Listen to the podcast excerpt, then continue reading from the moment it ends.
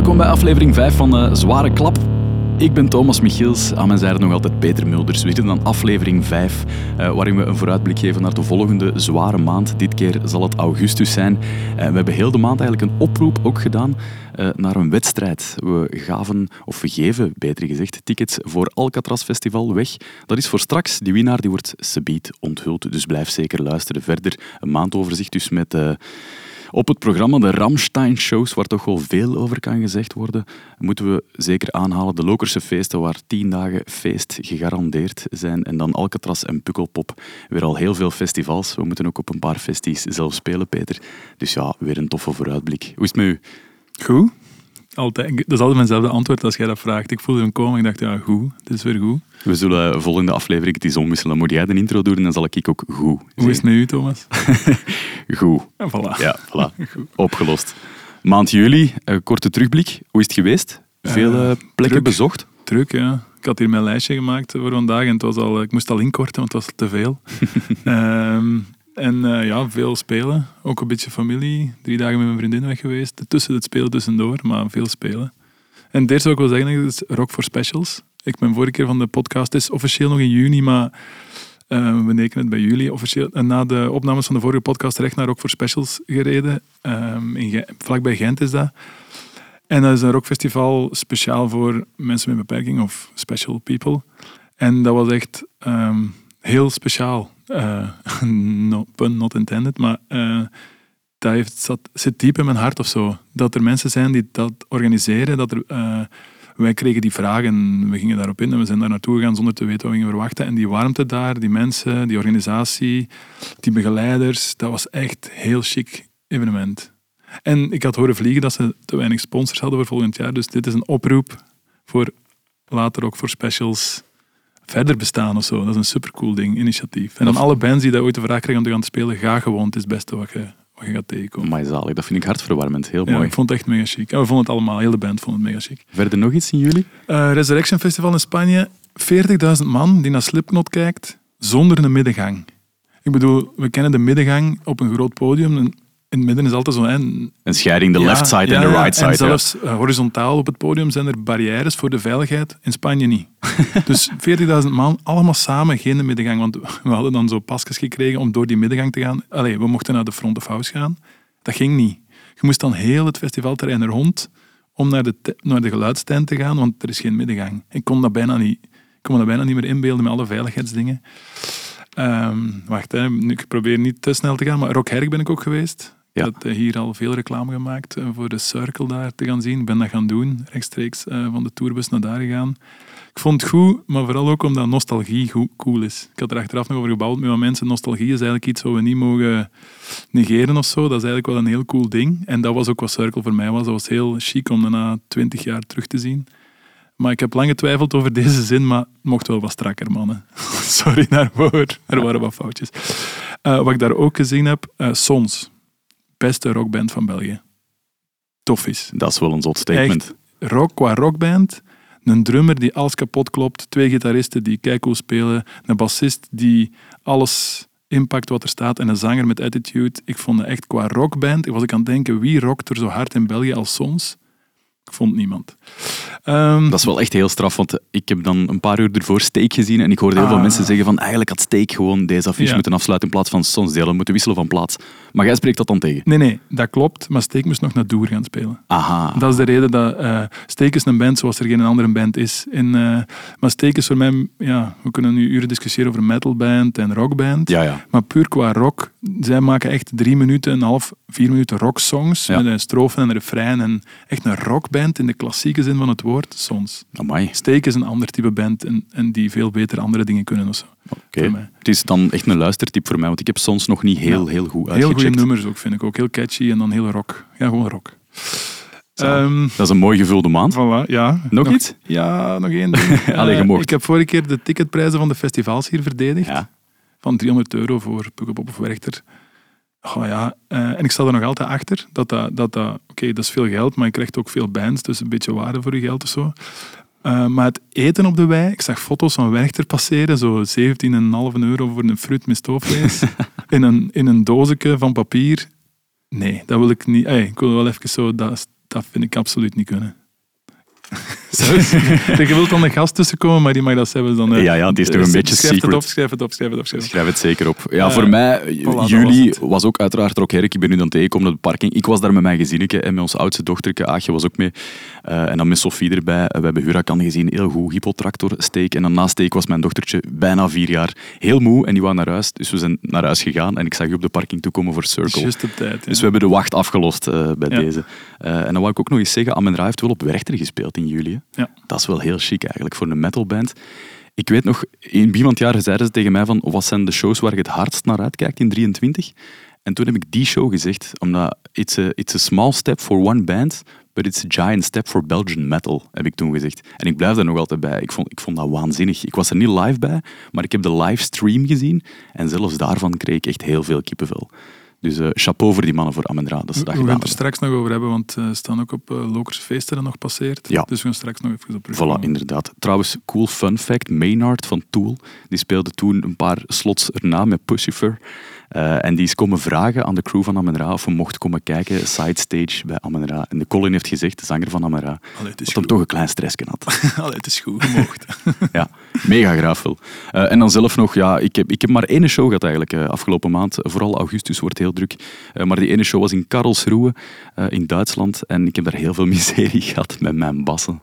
Ik heb twee bassen en drie nummers voor het einde was er een snare gesprongen. Ik heb gewoon verder gespeeld. Dan gewisseld van bas en mijn anders, andere bas was gewoon kapot. Er kwam geen signaal meer uit. Niks. Twee bassen mee en twee keer kapot. Voilà, twee keer kapot. Ik heb de bassen aan de kant aan, mijn, aan onze roadie gegeven, aan de Frankie. Eh, ik heb gewoon de micro van het statief gepakt en ik heb mij heel frontmannerig gaan gedragen. Dat was super onwennig. Ik raad het u niet aan om ooit zonder bas Ja, op een podium te kruipen. Dat is heel onwennig. Ja, jij kunt tenminste nog zingen en overpakken op zang. Ik zou niet weten, ik zou moeten ja, gewoon verdwijnen. of zo. Dansen of zo. Dansen. Ik heb zo wat een poging gedaan om het op te lossen. Eh, mij niet ingehouden en dan toch nog mijn bas, die kapot was dan, met drie snaren rond mijn nek hangen, helemaal anders gaan beginnen stemmen. En dan ingevallen op het juiste moment dat zo een basstukje was. en dan het publiek geroepen, I think I fixed my bass. en heel het Is publiek... dat opgenomen? Staat dat op video ergens? Nee, je gaat het mij Ah. moeten doen met mijn verhaal. Eh, je gaat me moeten geloven. Alhoewel, er stonden twee GoPro's op, eh, op het podium. Ah, Dus ja, misschien vind ik, ik het nog wel verwacht dat terug. nog ergens. Oké, voilà. Dat was juli. Ehm, ja, leuke maand. En we gaan de zomer gewoon nog verder zetten. Eh, en die vooruitblik doen we hier met twee gasten aan onze zijde. Vandaag hoog bezoek. Ehm, ja, ik weet eigenlijk niet hoe ik hem moet eh, voorstellen. Eh, er zijn veel mogelijkheden. Hè. Eh, meneer de minister is al één mogelijkheid. Vinnie? Ja. Eh Quickie, wordt ook wel gezegd. Eh, Vincent? Ja, we gaan het gewoon zelf vragen. Welkom. Hoe mogen wij u noemen, eerste gast? Doe maar, doe maar quickie. Quickie, oké. Dat is het gemakkelijkste. Bekt, bekt makkelijkst. Ja, absoluut. Quickie, eh, we hebben u uitgenodigd met een reden. Alcatraz Festival staat voor de deur in augustus. En wij dachten, wie moeten we daar nu voor vragen als we het daarover willen hebben? Ja, er kan maar één naam oppoppen en dat is de uwe. Vincent van Quickenborne. Minister in ons land, maar ook wel berucht, bekend metalfan. Ja, al lang metalfan. Ehm ik eh, ben metalfan geworden op de slaapkamer van mijn onkel, onkel Guy. Hij was de, de stiefbroer van mijn moeder, woonde in Brugge en ik was een jaar of zes, zeven zeker. En ik mocht dan mee naar de kamer. En hij speelde altijd gitaar. En hij speelde iedere keer covers van Iron Maiden. Dus ik vond dat wel interessant. En zo is dat dan met de paplepel erin gekomen. Niet via mijn ouders, niet van mijn broers of mijn zus, maar gewoon via een onkel Guy. En onkel Guy had nog altijd mee naar Alcatraz. Oh, zalig. dus, eh, dus het is een het is een family story. Maar om te zeggen dat ik... De, bedoel, eh, Alcatraz is de verdienste van Hans, die organisatie. Maar het is wel zo. Toen ik burgemeester werd in 2013... En toen de Kaloten, de CD&V, daar verdween van de macht na 165 jaar. Dat ik zei, we moeten toch iets, een beetje peper in de poep steken in Kortrijk. en het toeval wil dat mijn vrouw werkte toen bij een bedrijf, een schoenenbedrijf, waarvan de eigenaar, eh, dus ja, de, de, de, een van de mensen is achter Alcatraz. En hij zei, ja, we, we hebben nu Alcatraz, of dat heette toen Alcatraz, in de Brielpoort in Deinzen. En daar ging kom 1500 mensen naartoe, en we willen wat groter gaan. Heb jij niks in de aanbieding in, in uw stad? Zo, ik dacht van ja, een terrein, waarom niet? En toen hebben we in de zomer van 2013, dus ik was toen nog maar zes maanden burgemeester, hebben we toen het eerste Alcatraz Metal Festival buiten gedaan. Ehm, met één podium, ik denk toen twee dagen. En het is gewoon maar blijven groeien. En we zijn gestart, dacht ik, met een man of 6, 7.000. En nu gaan ze richting de 40.000. Dus het is eh, echt... eh, ja, subliem. Het is echt... En dit is voor mij het hoogtepunt van het jaar. Sorry dat ik dat moet zeggen. Mijn vrouw weet dat ze in drie dagen, dat ze mij niet ziet. Dat ze mij niet hoort, gelukkig. Dit is werkelijk, eh, voor mij is dat, is gewoon toekomen in de hemel en drie dagen en drie nachten in de hemel zijn. En hoe lost je dat op op het werk? Wel, dat, dat zijn dan dagen dat ik niet beschikbaar ben. Dat weet Eh, iedereen dat in het parlement. Dat weet iedereen in het parlement. Het is gelukkig ook zomer, dus het parlement komt niet bijeen. Ja. Eh, maar maar eh, ja, dat is, dat is echt zoiets wat je zien groeien hebt. En dat vandaag ook, en dat is wel interessant, de identiteit van onze stad mee bepaalt. Want Kortrijk is lang een zo'n ingedommeld provinciestadje geweest. Waarom kom je naar Kortrijk? Dat is toch niet interessant? En nu kijken mensen toch met een andere blik naar ons. Veel respect voor Raspop, uiteraard, dat blijft de allergrootste. Hè. Maar bij ons is het, ja, het is wat kleinschaliger. Eh, en het is ook in de loop van de tijd veranderd. Want vroeger was het, oké, zo een grote, grote bands programmeren. Nu doen ze dat minder. Nu gaan ze gewoon breder en geven ze ook heel veel ruimte aan, aan Belgische bands. Ik denk dit jaar in totaal 108 bands, 19 Belgische bands op het podium, of op de vier podia. Dus het- geeft ook wel wat zuurstof aan al het talent dat bij ons aan het opkomen is. Heel veel talent in metal. We gaan straks, want Alcatraz komt nog eens terug, dus we gaan straks nog even over Alcatraz zelf Zeker, hebben in de diepte, want anders gaan we wel te veel vertellen. Ehm, want we hebben nog een gast mee. Nog, Hallo. nog niet gehoord. Ik wil haar niet te lang eh, laten wachten. Eh, Natalia, Natalia Zapkar, niet zo bekend als Vincent. Nee, Ehm, mag ik vertellen wie dat, wat dat je doet? Of eh doet maakt niet uit. Nee, ik ben eh, boeker bij Live Nation, eh, Live Nation België. en ik boek alles wat punk, hardcore, metal betreft. En ik heb altijd eigenlijk in die scene gewerkt. Ik heb vroeger nog bij de promotor Heartbreak Tunes gewerkt, als promotorsassistente.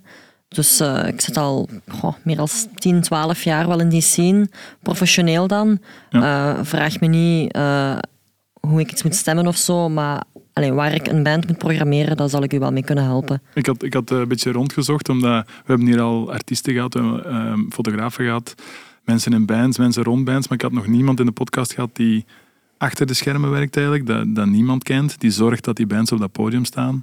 En eh, ik had wel zitten rondsturen en ik kreeg over u, kent het reilen en zeilen van kleine bands in stinkende jeugdhuizen tot het sportpaleis en werkt er en terug, maar werkt wel voor Live Nation. Nee, dat heb ik er toegevoegd, dat laatste. Maar, Maar. werkt, maar werkt wel voor Live Nation. En ik vond dat wel super interessant en super cool dat je wilt komen naar de podcast. Want dat is wel een ding natuurlijk, we gaan het er straks nog over hebben. Je werkt wel Live Nation. Mhm. Is dat soms onder muzikanten of onder mensen? Ja, wel, dat En- moeten mij dus ook even uitleggen. Ja, ik ga of- even tussenkomen, want, want je Ja. zegt zo, maar werkt over een Live Wat, wat, wat is het ding eigenlijk met Live Nation? Live Nation heeft niet de beste naam in, Nee. In de... Als het gaat, bijvoorbeeld bij mij rechtstreeks gaat het over merchandise, dat heel vaak eh, naar Live Nation wordt gekeken als het over merchandise percentage afgeven als band. Je komt in een venue en dan moet je 25% afgeven en dan zegt iedereen, dat is door de schuld van Live Nation en dat is de schuld van Live Nation. En heel veel dingen de schuld van Live Nation. En jij krijgt vandaag de kans Ja, om dat zo'n beetje uit te leggen, de dingen die je zelf ook voelt, want je zult er meer voelen dan ik waarschijnlijk. Mhm. Waarom dat Live Nation soms een slechte naam heeft. ja. Ja, ze zien ons een beetje als de grote vuile kapitalist. Eh, daar zal zeker ergens een waarheid in zitten. Ik denk zeker als je naar Amerika kijkt, hoe dat die werken. Maar ik denk dat je ook alles met een korreltje zout moet nemen. Wij zijn ook maar gewoon mensen die voor een bedrijf werken en die daar het beste van willen maken en toffe dingen willen doen en kansen willen uitdelen. Dus ja, ik moet mijn job wel heel vaak verdedigen, inderdaad. Maar je vindt wel dat je dat kunt doen. Dat je, Ja, absoluut. Voor ik, ben heel, ik ben heel fier waar ik werk. eh, ik kan, eh, ja, nee, ik ben echt trots op eh, mijn job en voor wie dat ik werk en wat ik daarmee kan doen en wat ik daarmee mag doen. Dus eh, nee, als ik de kans krijg om dat te verdedigen, doe ik dat Dus met je plezier. krijgt vandaag die kans. Ja, en dat is als, mooi. als, we, als het niet zo is, dan zal ik wel, als ik iets kan zeggen, dan eh, zal ik het wel doen. Daar kan ik tegen. Dat is Ja, goed, dat is. Nee, ik ben blij dat we u mee aan tafel hebben. Dat Ja. we eigenlijk zo eens een totaal andere blik hebben van, eh, naar de muziek zien, vanuit een, eh, uit een ander ja, kijkslot, zo zal ik maar zeggen. Wo- Worden dat soms beu om, om altijd maar te moeten verdedigen waar je werkt? Ik kan me voorstellen dat ook zo, dat je Jean Aymar zegt, zo soms ja, van ja, soms wel. stop Ja. er nu maar eens over, want ja, we doen ook wel heel mooie dingen. Hè. Ja, nee, absoluut. De laatste twee maanden waren erover voor ons allemaal, denk ik, op, eh, op dat vlak. Eh, ik, ik werk ook uiteraard voor Rock Werchter, wij allemaal. eh, dus eh, allee, er is genoeg gezegd en geschreven over ons, waar heel veel absoluut onwaar is en overdreven. En soms, allee, mensen hebben ook gewoon de pik eh, op, op ons met momenten. Dat zal zeker niet constant zijn. Maar ja, nee, soms zit je dat wel echt beu, dat je constant je eigen job moet verdedigen, of je, je werkgever, of hetgeen dat je doet. Terwijl, allee, zoals ik zei, wij zijn ook maar gewoon mensen. Ja. Ja, absoluut. Ja, en zonder Live Nation denk ik dat er heel veel minder mooie dingen zouden gebeuren. Ook. Ja, Ja. inderdaad. En die prijzen van de friet op Werchter, dat is niet jullie ding. Dat is, ik denk niet dat wij dat beslissen. Allee, ik kan dat niet met zekerheid zeggen, maar volgens mij is dat gewoon de, de uitbater van de eetstand die zelf kiest hoeveel hij wilt verdienen. Want ik zag, Vincent, ik zag je daarnet schrijven, dat we dat zei, van die 17 euro voor een friet. Ja, het gaat over de kwaliteit ook van het eten. Hè. En ik, dat mag ik toch wel zeggen, bij Alcatraz, wat dat zij investeren in ook local food. Wij hebben voor het ijsjes van Beugny, uit Marken. We hebben een bepaald ogenblik gebeurd bij ons tekort aan hamburgers. Ik bel naar Pol, Pols Boutique, dat is een local eh, hamburger. Ken tent, die zegt, ik heb nog duizend hamburgers liggen, wanneer hebben ze nodig? Nu, oké, ik kom met mijn camionet hamburgers naar daar gebracht. Dus ik vind food wel echt belangrijk. En ik vind, eh, los van die prijzendiscussie, je moet ook lekkere dingen kunnen eten. Je moet ook veel meer variëteit kunnen hebben. We doen heel veel in vegan nu met Alcatraz. Gewoon omdat ik denk dat, dat, dat, dat mensen dat willen kunnen kiezen. En dat moet ook echt een goede kwaliteit zijn. Dus dat vind ik wel belangrijk. Als je daar drie nachten en drie, na en drie dagen logeert, En moet je toch iets gegeten hebben. Ja, Absoluut. zeker. Dat, we we eten allemaal graag, en zeker vegan, lekker of vegetarisch. Maar als de prijzen te gek werden, dan ah, ja, 16 euro en half voor een friet. Ik vond dat toch... Heeft er dan niemand bewerkt, er, Herman hemzelf, kan die dan, ziet hij dan die foto's ook passeren in de krant of, of op social media en zegt hij dan oei, dat is wel mijn festival, ik heb dat hier groot gemaakt en nu vragen ze hier 17 euro voor een friet. Goh, ik denk dat allee, voor ieder van ons, wij moeien ons niet met dat soort dingen. Dat is van onze niet. Nee, inderdaad. Dat is een apart gegeven. En eh, ik denk dat die uitbaters, die doen daarmee wat ze willen. En allee, ik zal zeker niet ontkennen dat dat veel te duur is voor een frit. Maar dat is goed, dat is goed, dat snap ik. Ja, zoals elke aflevering blikken we natuurlijk vooruit op augustus. En dat is weer al een gevuld eh, programma. Hè. Eh, Ramstein, dat is misschien het eerste dat aan bod komt. Dat is al binnen een paar dagen. Ja, 3, 4 en 5 augustus, dus misschien als je nu luistert naar de podcast, dan Dat is waar, misschien ja. al bezig. Ja, ja, ja, inderdaad. 3, 4 en 5 augustus in het Koning Boudewijnstadion in Brussel. Drie keer eh, los uitverkocht, maar drie keer dat ik ook heel veel tickets terug online zie komen. En dat is natuurlijk niet zomaar. Dat is niet omdat je plots bij de bomma moet gaan eten. Maar er is van alles gebeurd. Ik had het al mee, moeilijk met dit onderwerp hier in de podcast. Van, moeten we het wel over Ramstein hebben? Want eigenlijk wou ik gewoon zeggen, nee, laat maar, we negeren dat gewoon. Want wat er is naar boven gekomen rond eh zanger Til Lindeman twee maanden geleden, of de laatste maanden, dat, dat verdient, die band verdient geen aandacht meer. Maar ik ben blij dat we erover gebabbeld hebben en dat we dan toch ehm, daarover willen babbelen. Allee, ik wil daar graag over babbelen, over eh, wat er gebeurd is met de zanger van...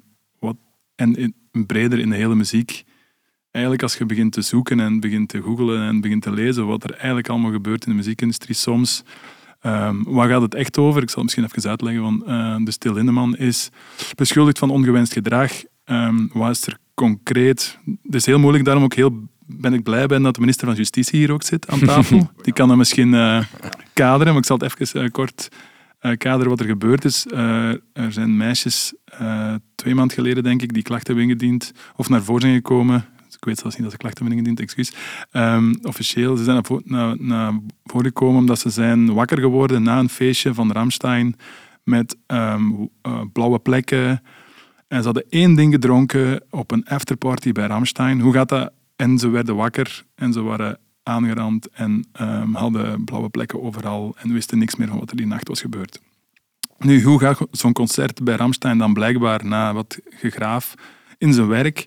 Eh Ramstein heeft een, een soort van rij nul. Dat is op de eerste rij van het concert worden meisjes gerecruiteerd via social media, eh, via een social media account. De band heeft die account ook er gestopt en de mevrouw achter die account ontslaan, dus dat geven ze ook wel zelf toe.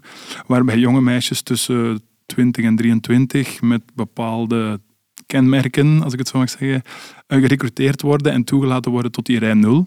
En die rij 0, row 0, die mag dan ook naar pre-parties en afterparties. En ehm, daar gebeuren dan dingen... Allee, gewoon het systeem van rij 0, daar wil ik al... Dat dat gewoon al bestaat, dat je jonge meisjes als 60-jarige zanger eh, jonge meisjes recruteert om daar te zetten. Ehm, vind ik al een heel pervers systeem eigenlijk. En dan eh, wat er daarna nog allemaal is bovengekomen, is heel, eh, ja, heel veel meisjes zijn dan naar voren gekomen. Ehm, de hele discussie van ze weten het toch, ze snappen het. Ze weten toch waar ze aan beginnen, tot ze weten niet waar ze aan beginnen. Eh, dat is een hele discussie online en ook in de pers. Ehm, en je hoort al aan mijn stem dat ik het er moeilijk mee heb, want ik vind dat heel eh, zwaar, zo'n dingen die gebeuren. Ehm, en dat die nu drie concerten in het Koning Boudewijn Stadion kunnen spelen voor 40, 50.000 man, alsof er niks gebeurd is, dat is bij mij heel moeilijk. En Dat, dat, is- raakt me echt persoonlijk bijna. en dat is de reden, denk ik, dat er heel veel mensen hun ticket aan het verkopen zijn. Natalia, als je, als je zo'n concert boekt, ehm, kun je dat tegengaan, zo'n rij nul? Is dat iets waar de band over communiceert, dat je moet toelaten als organisator? Of hoe werkt dat dan precies? Goh, wij weten daar halve tijd ook niks van. Allee, ik heb het zelf nu met, met Ramstein op Werchter gehad. Eh, ik, ben, ik heb toevallig ook veel vrienden die in die rij 0 ooit hebben gezeten. Eh, maar dat is niet per se alleen via een social media account. Dat is he- heel vaak ook dat ze gewoon de security man op pad sturen met eh, 50 bandjes en die begint uit te delen wat hij denkt dat de moeite is. Dat kunnen ook vrouwen van in de 40 zijn trouwens. Eh, want zo ken ik er persoonlijk. En ik denk iedereen dat in de muziekindustrie werkt en al ooit iets op het niveau van Ramstein heeft gedaan, is niet verbaasd over dit. Ik denk dat we allemaal wel een vermoeden hadden wat er achter die deuren gebeurde. Ehm, En waarom komt dat nu dan pas naar buiten? Als iedereen een vermoeden heeft, dat was zo'n soort van stilzwijgen. En wie zal het zeggen? Want het zijn dan slachtoffers dat er eerst mee op de proppen zijn gekomen. ja, ja, ja, ja, omdat ik denk dat niemand juist weet hoe of wat er is gebeurd. En uiteraard, er zullen ook vrouwen bij zijn geweest die daar wel gewillig in mee zijn gegaan. Want die bestaan uiteraard ook. Maar ik denk gewoon de, de, de, sfeer hangt goed om daarmee naar buiten te komen nu. Eh, het landschap is er klaar voor, zal ik maar zeggen. Ehm, vroeger was dat helemaal niet. Dan, dan voelde je je een aansteller, denk ik, als je daarover wou beginnen. Dus ik denk dat het, gewoon, dat het moment nu gewoon beter is om daarover te praten dan pakweg tien jaar geleden. Ja, je voelt wel aan alles dat heel moeilijk is om, om hier zo de vinger op de Mm. wonden te leggen. We hebben hier natuurlijk minister van Justitie mee aan tafel zitten. Hoe, hoe, hoe moeten we daar eigenlijk mee omgaan? Want we kunnen moeilijk een proces maken. hè. We gaan hier nu niet afkloppen van dit is er allemaal gebeurd. eh, dat moet je nu doen met die band. We kunnen moeilijk oproepen tot een boycott als we niet echt weten wat is feit, wat is fictie. Dat is heel moeilijk. Hoe, hoe kunnen we daar best mee omgaan? Ja, dat dat is MeToo in de, in de hart ook. Hè. Bedoel, MeToo is begonnen zoveel jaar geleden. En, en, en toen dachten ook mensen, dat bestaat toch niet. En plotseling kwam het allemaal naar boven. Mensen begonnen te spreken. En er waren effectief wantoestanden eh, overal. En dat, ja, dat, zo zit overal. Het zit in de sport, het, het zit ook in de muziek en het zit ook in de hardrock scene. Eh, hoe moet je daarmee omgaan? Ik denk dat het is, het is een beslissing die je zelf neemt. Eh, ik, ik zelf ben geen fan van Ramstein, dus ik zit niet met dat dilemma. Maar eh, als je die beschuldigingen leest, ja, dat is niet min. Verkrachting, eh, spiking, dus dingen in een drankje doen om mensen te verdoven. Uiteraard, iedereen is onschuldig tot het tegendeel is bewezen. Maar gelukkig, het is niet de Belgische justitie, ik het meer de Duitse justitie is die dat heel ernstig neemt. En ik hoop dat ze snel met, met, met, eh, met duidelijkheid komen. Ik denk dat het feit dat er veel kaarten nu terug ter beschikking worden gesteld, is wel een bewijs dat er mensen met een moreel kompas zijn van moeten we die man zoveel betalen, moeten we dat wel nog gaan zien. Ik heb dan gehoord dat er ook nog een tweede feit zou zijn, nog iemand anders van de band ook. Ja, dat is een feiten van 20 jaar geleden die nu ook deze week Ja. of vorige week naar boven zijn gekomen. Verkrachting. Dus ja, ik denk dat, dat, dat eh, in ons land hebben we het, het seksuele strafrecht hervormd. Hè. Dat is sinds juni eh, vorig jaar in werking getreden, waarbij dat toestemming gewoon cruciaal is. Als er geen toestemming is, dan, dan is het, gaat het over seksueel misdrijf. En dus we nemen dat heel ernstig. Eh, we zien ook dat, het, dat de bereidheid van mensen... Je moet weten dat er in ons land elke dag ehm 100 verkrachtingen plaatsvinden. 100 verkrachtingen in ons land. We staan daar niet bij stil. Zeven of acht op de tien van die verkrachtingen vinden plaats binnen een familiale sfeer. Eh, maar we hebben nu eh, zorgcentra opgericht eh, na seksueel geweld in elke provincie. om de drempel te verlagen. Mensen moesten vroeger naar een politiekantoor, nu gaan ze naar een, een plek bij een ziekenhuis. We zien dat die bereidheid om aangifte te doen enorm toeneemt. En dus je ziet dat in alles mensen nu bereid zijn te spreken, openlijk te spreken. En wat dat vroeger werd weggemoffeld, komt nu naar de oppervlakte. Ik vind dat een, een zeer goede zaak. Ik denk dat dat absoluut noodzakelijk is. Weet je, ik heb geen enkel probleem met de macho-cultuur die er is op podia, bij hard, bij metal en, de, taal die men spreekt en de duivel die men verwenst. Dat, bedoel, dat is allemaal part of the scene. Maar er zijn bepaalde grenzen die ook zij moeten respecteren. En eh, ik, ik vrees dat als dat bewaard wordt, als, dat, als men vaststelt dat er inderdaad inbreuk zijn geweest, dat, dat denk ik wel dat, dat dat misschien wel het begin van het einde is. Moet je nu die muziek cancelen? Daar geloof ik niet in. Ik bedoel, Michael Jackson cancelen we ook niet. Hè. Luister je eraan naar Michael Jackson? Ik ook, ik doe dat wel. Natuurlijk is er nog een verschil tussen naar een schilderij gaan kijken of, of bijvoorbeeld of naar een liedje luisteren, dan Ja. effectief actief en ook- op een concert naartoe Ja. te gaan en aan te moedigen. Dat is, maar dat is, ik vind dat, moet, dat is een keuze die je zelf moet maken. En bij Ramstein is er nog zo'n band die... ehm, ik zag Ramstein voor het eerst, denk ik, op een, DV of een video in 1998. Toen stond Till Lindemann daar ook mee in een dildo uit zijn broek waarin het groot water uitspoot over heel het publiek, stond be- eh, bewegingen te doen. En zij gebruiken seks eigenlijk een beetje als onderwerp van hun songs. En, eh, ik, ja, ik was er met mijn vriendin over bezig en ze, ja, ze gebruiken seks als kunst een beetje. Dus ze gebruiken seks en ze zijn me wel volledig kwijt sinds dat ze dat nummer Dikke Titten hebben gemaakt. Maar ze, en, en Pussy en al die dingen. Ehm, maar ze gebruiken wel seks in hun, in hun muziek. En dan vind ik net dat je net extra voorzichtig moet zijn als band of als zanger. Dat er echt niks mis kan gebeuren rond dat thema. Je gebruikt het thema in je muziek. De fans die naar je band komen kijken, dat zijn zo... Het woord fan, dat las ik ook ergens, komt eigenlijk van fanatic. Als je dat... Hè, fan, fanatic. Fanatic is al een beetje overdreven. Eh, eigenlijk fans zijn eigenlijk over... Niet, ja, ik kan nu niet uitleggen, maar overdreven ehm, geïnteresseerd in wat je doet. Dat weet je als je daar op dat podium staat. En je bent de zanger van een groep die seks gebruikt in zijn teksten. Je moet er net... Ik vind dat het je verantwoordelijkheid is om net extra op te letten dat er niks van mogelijks verwarring of beschuldigingen of grijze zone. Je moet stoppen voor de grijze zone. Geen feestjes organiseren, geen rij nul. Ehm, ik ga een voorbeeld geven. Eh, er komt iemand op een brute show naar mij toe, een meisje, en met een witte t-shirt, en die wilde ik haar t-shirt signeren. Die heeft een stift bij en die zegt, wilde mijn t-shirt signeren. En ik zeg, ja, waar? En ze doet haar borsten naar voren en zegt, ja, hier. Ik heb gezegd, nee, ik doe dat niet. En die was kwaad. Die keek zo van, wat zit jij voor een dat je dat niet wilt doen? En ik dacht achteraf, ik heb ook het recht om dat niet te willen. Ik hoef niet per se, zelfs niet als de meisjes aan mijn deur staan aan te schuiven, om daar iets mee te doen. Dat, dat, dat, je zet daar ook een beetje zelf verantwoordelijk voor, als zanger. En daardoor vind ik, er valt veel voor te zeggen, maar ik vind echt Ramstein echt not done. Maar het is niet Ramstein alleen, want dat zeiden net ook in, de rockindustrie. Er zijn, ik zat te googlen en er is op Reddit een lijst van bands.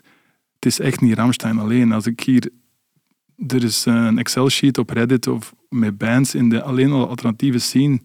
Want ik wil graag breder trekken dan Ramstein, die in, eh, in opspraak zijn gekomen. Van Panic at the Disco, Mice and Men, Brand New, eh, Cage the Elephant, Bring Me the Horizon, eh, Set It Off.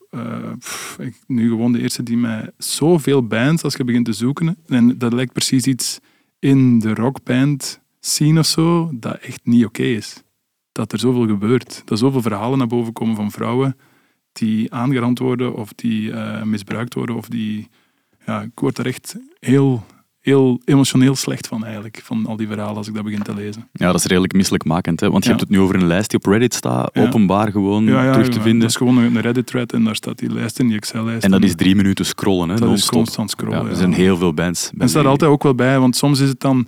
ehm, eh, is, is er een, een reactie geweest van de band? Is het gewoon een beschuldiging? Is er een statement geweest? Mhm. Soms met links naar Pitchfork of Loudwire of al die dingen. En ik voel mij als rockmuzikant eigenlijk echt slecht van dat, ik in zo'n, eh, dat, dat dat allemaal kan gebeuren. En, maar als het in de sport gebeurt, het inderdaad ook. Dat is waar. Maar is het dan zo erg in de sport? Want dan in, in de rockmuziek, want dat is toch echt... Oh, echt... Ik word er echt slecht van. Ja.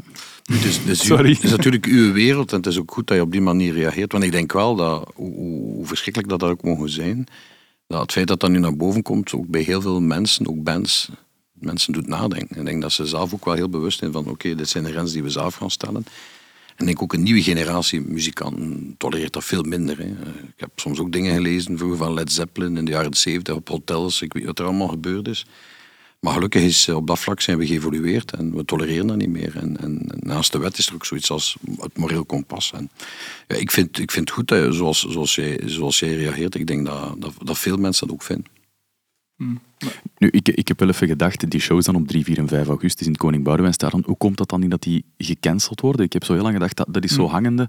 Van wat hangt dat dan eigenlijk af, Natalia? Is er zoveel geld mee gemoeid, of die producties, of is er al zoveel in de stijgers gezet dat het gewoon onmogelijk is om die shows nu nog te annuleren? Goh, ik, ik kan mij voorstellen, is, ik denk Greenhouse Talent dat het organiseert. Dat is een extreem, extreem duur weekend. Dat, voor een organisator is dat niet evident om dat zomaar te cancelen, omdat je eigenlijk wettelijk gezien geen goede grond hebt om, om dat eh, te mogen cancelen en dat je niet moet betalen, bij wijze van spreken.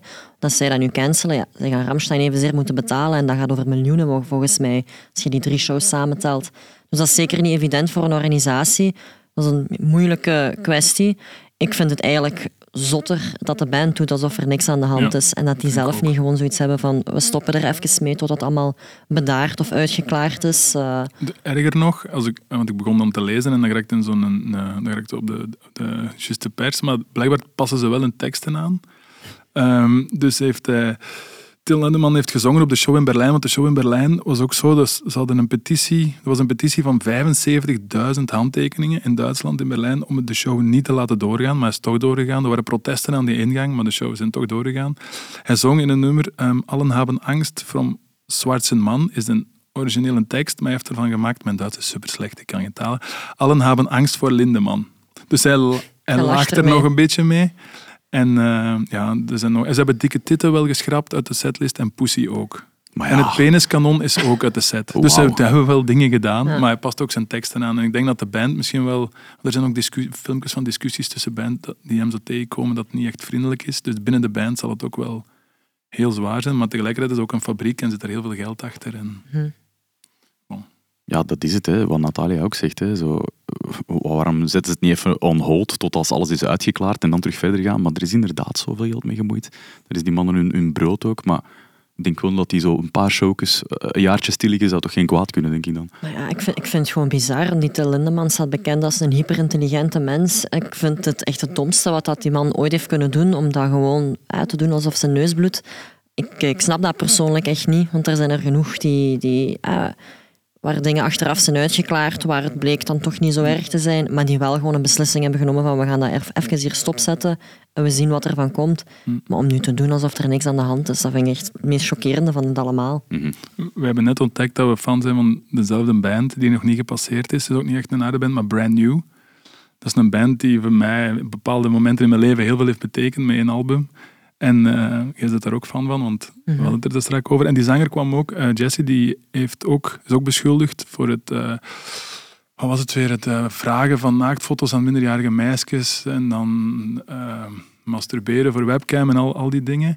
En die heeft dan een statement gereleased. ehm, ik ben fout, ik heb mensen gekwetst, ik totaal foute dingen gedaan. Eh ja, ze kunnen een hele statement opzoeken, maar die had schuld in zicht. En die heeft direct gestopt. Die zijn ook gestopt, denk ik, Brand New. Die heeft zijn eh, excuses aangeboden, is in behandeling gegaan, al die dingen. En voor mij is dat nog wel een verschil als je in de aanval gaat, zoals Till Lindemann een beetje doet, of je, of je erkent je fout. Iedereen, ja, kan- eh, het zal waarschijnlijk als ziekte ook wel kan bekeken worden. Gokken kan ook een ziekte zijn en veel mensen worden veroordeeld om te gokken en anderen ja, worden, kunnen daarvan herstellen of, of genezen van, zo, van zo'n dingen. En met seksueel, seksueel, seksverslaving kan dat ook zo zijn.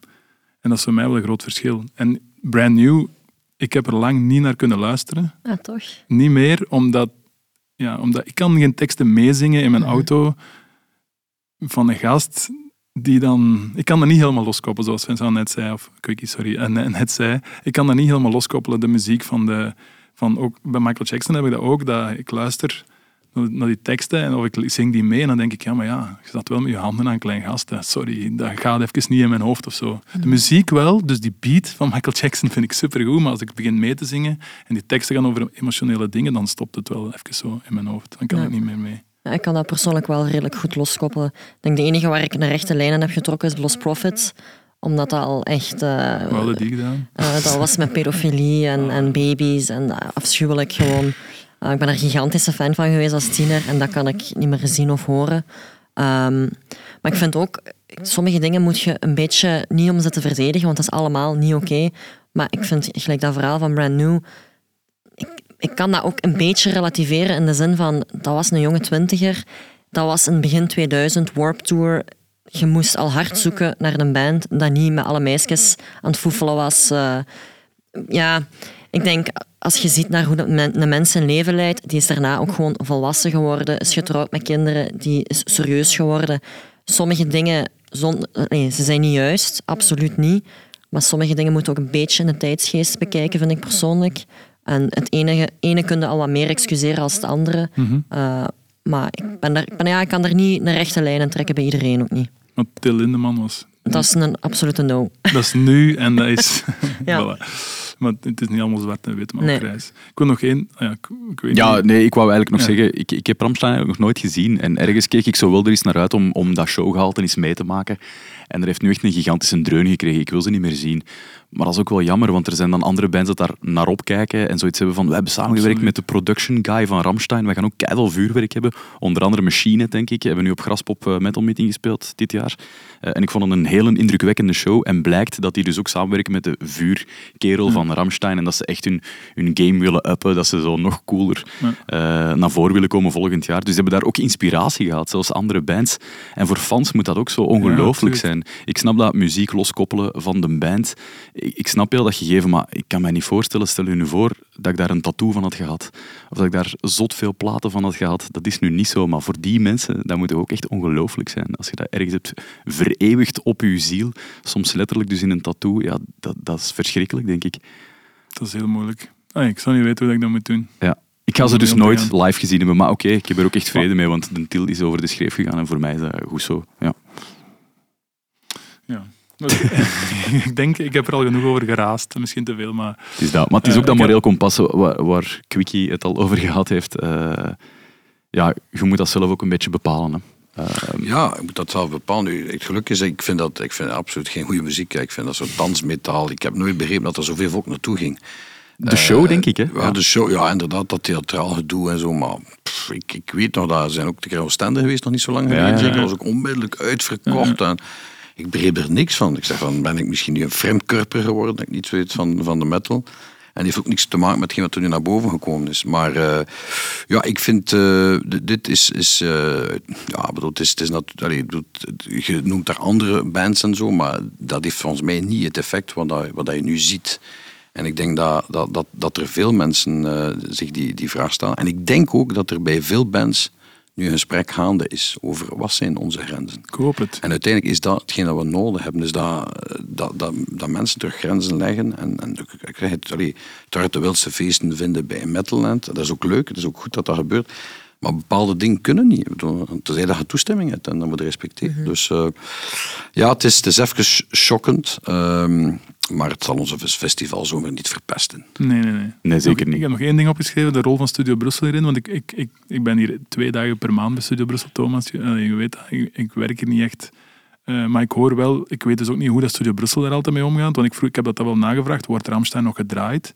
En er is dus wel een, een, een, een roadbook dat gevolgd wordt of zo. Sinds 23 juni zijn ze niet meer gedraaid. En als ze gedraaid worden, dan is het nooit meer zomaar, maar is het altijd met een reden of om een nieuwsje aan te kon- kondigen of zo, dat echt niet anders kan. En met context en met informatie erbij. Ik denk ook rond de drie shows dat er geen niet groot wordt op ingezet eh, of zo. Dus Studio Brussel vind ik ook wel goed om te weten. Ehm, ook al werk ik hier niet en is het niet per se mijn huis en doe ik enkel de podcast, vind ik het wel chic om te weten dat ze daar ook, ook in de media echt wel heel bewust wordt mee omgegaan. Ook met Arcade Fire, nog zo'n band waar dat er van alles mee gebeurd is, wordt ook heel bewust een jaar niet gedraaid. Dus dat is toch wel, allee, ik bedoel, ik wil het toch nog even vermelden. Voor mij was dat wel chic om dat te zien, dat er ook ja, op zo'n manier naar gekeken wordt. Ja, dat er ook rekening mee wordt gehouden in de playlist. Ehm, ja. Genoeg geramstein of niet? ja, misschien wel. We gaan zien hè, wat de opkomst is. Hè, want er worden zodanig veel tickets online gezet. 3, 4 en 5 Goh, ja. augustus, het Koning Stadion. Gaat het nog drie keer vol zitten, denk ja, je? natuurlijk. Nee? Ja. Ik weet het niet. In, in Duitsland zal het toch vol? Het zal hier toch ook vol zijn. Maar het is echt zes keer in de zwaarste lijst. Het is een van de eh, redacteur Arno, Arno, Arno zei, grootste metalband bijna die er is. Als je puur naar cijfers kijkt. En wie, welke, als Iron Maiden komt, is het dan drie keer het Sportpaleis, eh, sorry, eh, Koning Boudewijn Stadion vol? Nou, ik denk het Dat niet. denk ik niet, hè. Dat is echt de drie keer. Wie kan dat? Ik denk dat zelfs, ik denk dat zelfs Metallica dat niet kan in België. Ik denk dat ze Nee. het een keer uitverkocht. eh Eén keer, ja. één keer. Ja. Drie keer. Maar om dat dan twee keer te doen. Trouwens, als je voelt dat je twee keer kunt gaan, doe je dat twee keer. Mhm. Anders neem je dat risico niet. Dus ja, het is inderdaad, het is, eh, ja, dat is qua metalband, maar natuurlijk een zeer toegankelijke band. Ja, ik wou net zeggen, het dat is metal voor de masses eigenlijk. Hè? Ja, absoluut. Ja. In het najaar komt Til ook solo hè, naar België. Oh. Daar ben ik ook echt benieuwd naar. Als, eh, wat dat daarmee gedaan En wordt dat is ook niet afgezegd. Nee, dat staat nog steeds. Moedig. Ja. dus to be continued sowieso. We zitten ongeveer in het midden van onze aflevering. Dat betekent dat we aanbeland zijn aan de beste band ter wereld, volgens Zware Klap. Niet Ramstein. Sorry. We zijn elke aflevering eigenlijk op zoek naar de beste band ter wereld. En we doen dat samen met onze gasten. Uh, zij mogen altijd één bandlid in die band zetten. De huidige line-up die bestaat momenteel uit. Peter, Oh, ik ben nog aan het scrollen. Ja, geen probleem. seconde. ik kom er direct. Um, op, dus de beste band ter wereld op dit moment.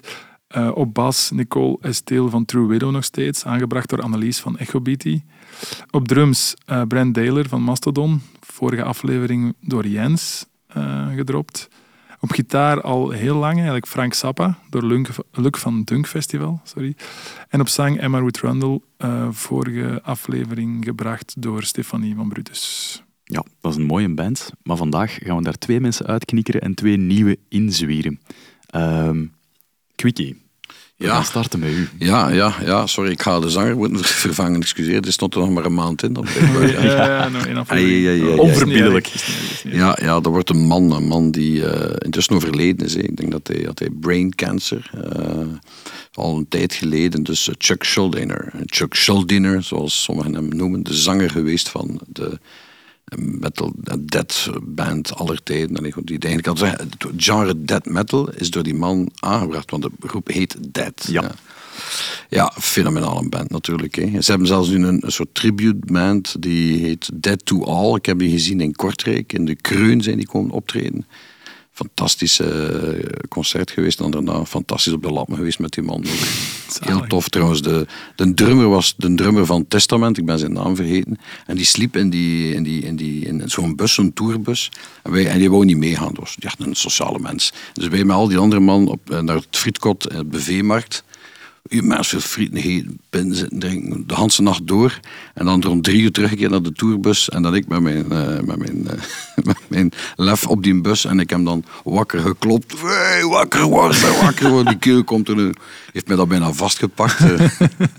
ja, dat was, het was, een, het was een, een, mooie, een mooie avond in, in Kortrijk. Ja. Maar dus een tribute band. dus uh, de, de, zanger zelf was er natuurlijk niet meer bij. Wat voor concertganger bent je eigenlijk, Quickie? Zo iemand dat vooraan in de moshpit of achteraan genietend aan de front of house, zo veilig plekje? Ik nee, heb gehoord toch, vooraan. Ik vooraan, gehoord, toch vooraan, ja. En de moshpit, ja, ik word nog wel ouder en ouder. Maar bijvoorbeeld, ik heb mijn vrouw leren... Ik heb mijn vrouw, ken ik al lang, maar ik, uh, een van haar eerste activiteiten die we samen gedaan hebben in 2009 was... We zijn naar Graspop geweest. Ik kende ze toen een week of vier... En we zijn toen in de, in de, in de morspit terechtgekomen van Devil Driver. Ik ken de Devil Driver? Ja, ja. fantastische band. Oh, ik heb trouwens uh, via WhatsApp veel contact met die zanger. Die woont in, uh, in Californië.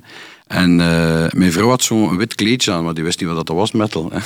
en dus ze was de enige witte in die moshpit. Toen dat, was zo, metal. Zo'n spaal, jongens, ongelooflijk. Dat zo, hoe noemt dat zo'n spaal? Zo mensen, circle, pit. circle pit, draait dun zo rond crazy. Dus ik word wel wat ouder. Ik word 50 dit jaar. Ja. En dus, uh, maar ik sta meestal wel van voor. Uh, ja, en als het kan, sidestage of onstage. Nog toffer natuurlijk. Sidestage, ja. Dat, zijn, dat zijn de goede plekjes wel. Ja, maar dus voor bij Alcatraz kunnen we af en toe een keer sidestage zijn. Ja, dan gebeuren soms van die heel foute dingen. Ja, daar komen we zelfs nog, even, nog even wachten, nog even wachten. Want we zitten eigenlijk in de beste band ter wereld. We moeten een klein beetje onze rubriek... Sorry, excuseer. Ik week af, ik week af. En ik ga ook nog... Uh, ik kan ook muziek laten horen. En van Ramstein wou ik principieel niet doen. Uh, maar ik kan wel Dead laten horen. Dus Zal ik ga gewoon...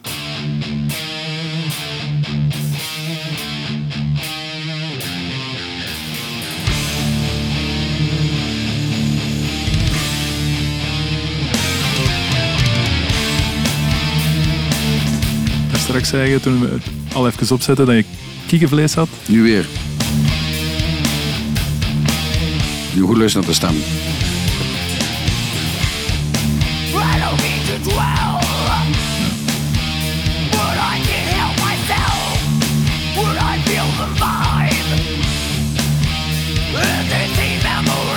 Nou, nog even lopen. Dan gaan we aan tempowisseling. Go. Zie je de band? Go, go. En nu die stem.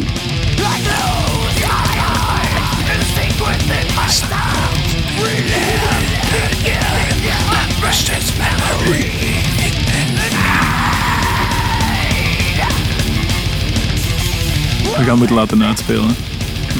Goed. 6 minuten 30, dat gaan we niet kunnen doen. En die tempowisseling, fenomenaal. Dus dat geeft u toch weer wat op adem komen op de weide. Ja, ja, ja. Dus Klaar voor het volgende. Om dan Ja, terugkeert ja. in die circle pit te vliegen. Ja, de quickie heeft hier alles liggen meekwelen. Zalig. Geweldig. Chuck Schuldiner dus van Death in de beste band ter wereld volgens Zware Klap. Wat een mooie toevoeging. Death is trouwens ook een van de bandshirts dat je het vaakst ziet op Ja. de wei, met die Ja. zijs zo. Ja, Heel ja, herkenbaar. ja, dat is nog altijd. En ik weet nog, als ik eh, student was in de universiteit, dan deed ik niet anders dan de hele tijd, eh, als ik aan de les aan het volgen was, gewoon dit, dat logo natekenen met die zijs. Fantastisch, zalig. overal. Ja. Zalig. Ik vind dat die stem ook wel heel diep gaat. Dat is echt, je voelt die echt, hè. Die, die, die, als hem zingt zo, die... Dat, echt. En niet zo... En, ja, dat is, en dat vind ik zo moeilijk om die, die stem ook in andere bands terug te vinden. Want ofwel gaan ze er echt over en worden Ja. dat van die dead bands. En dat is niet leuk. Of anders is het dan gewoon te veel kathedraal. En, dus een stem die zwaar is, die toch nog beklijft, die je nog kunt verstaan. Moeilijk te vinden. Hè? Dat is moeilijk dat, te vinden. dat is hè. dit. Ik was, ik was er juist aan het denken, aan wat doen we met dat denken, maar ik kan niet direct op iets komen of zo. Ja, bij mij komt het ook heel herkenbaar over, maar dat is omdat in de hardcore denk ik ook veel op die, op die stijl eh, zingen. Ja. Dat is waar. In- minder in de metal, want daar is direct zo overdreven.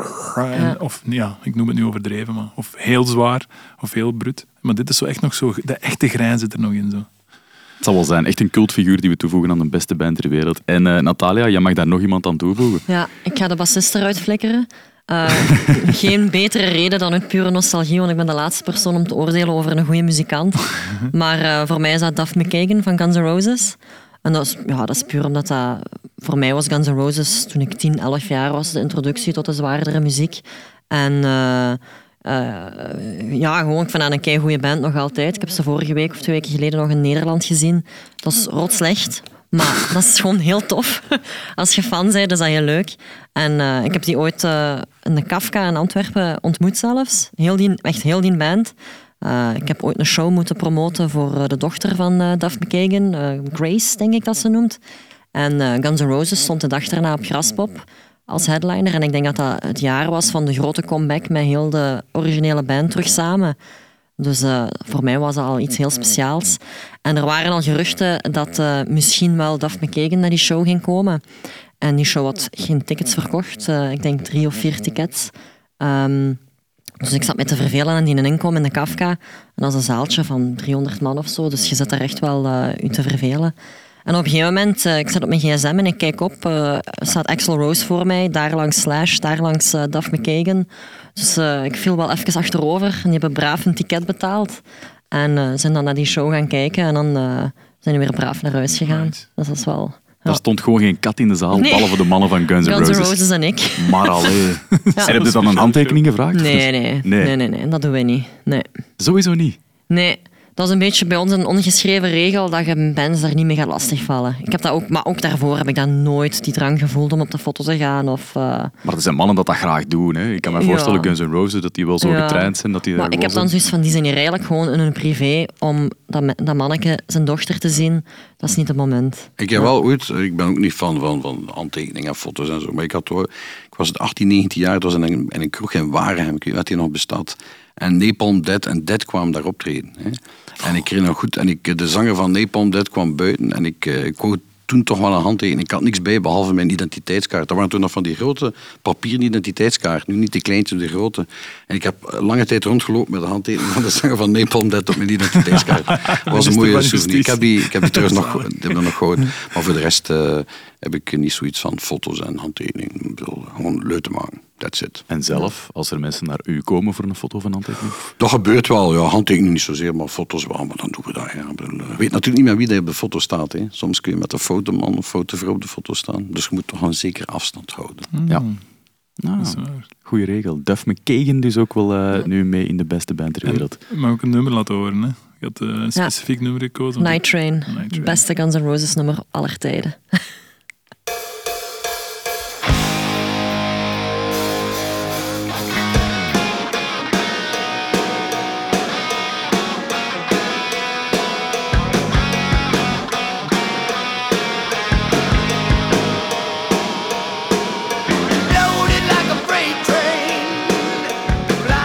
zingt zo niet meer, hè? Nee. Sto- Stoort je dan als je een live show gaat? Pas op, gaat zien? soms haalt hem het wel hoor. Maar ja. niet vaak. toch niet op de... Ik heb ze niet live gezien deze zomer, maar de filmpjes die ik zag, Ja. de commentaren ook, dat het echt heel... Ja, ja, ik, moet zeggen, mij stoort dat minder. Mij gaat dat gewoon om die ervaring. Je, je hoort je favoriete nummers. Dat zijn die mannen wat er voor je neus staan eh, als die muziek maar goed is. Oké. En te slagen. Eh, Oké, dus eh, de Quickie heeft eh, Chuck Schuldiner van Dead erin gezet op zang en eh, Natalia Duff McKagan van Guns N' Roses op bas. Hoe ziet een band er dan nu uit, Peter? Wel, ehm, op bas Duff McKagan van Guns N' Roses, want ik begin altijd met de bassist. Op drums eh, Brent Taylor van Mastodon. Op gitaar nog altijd Frank Zappa.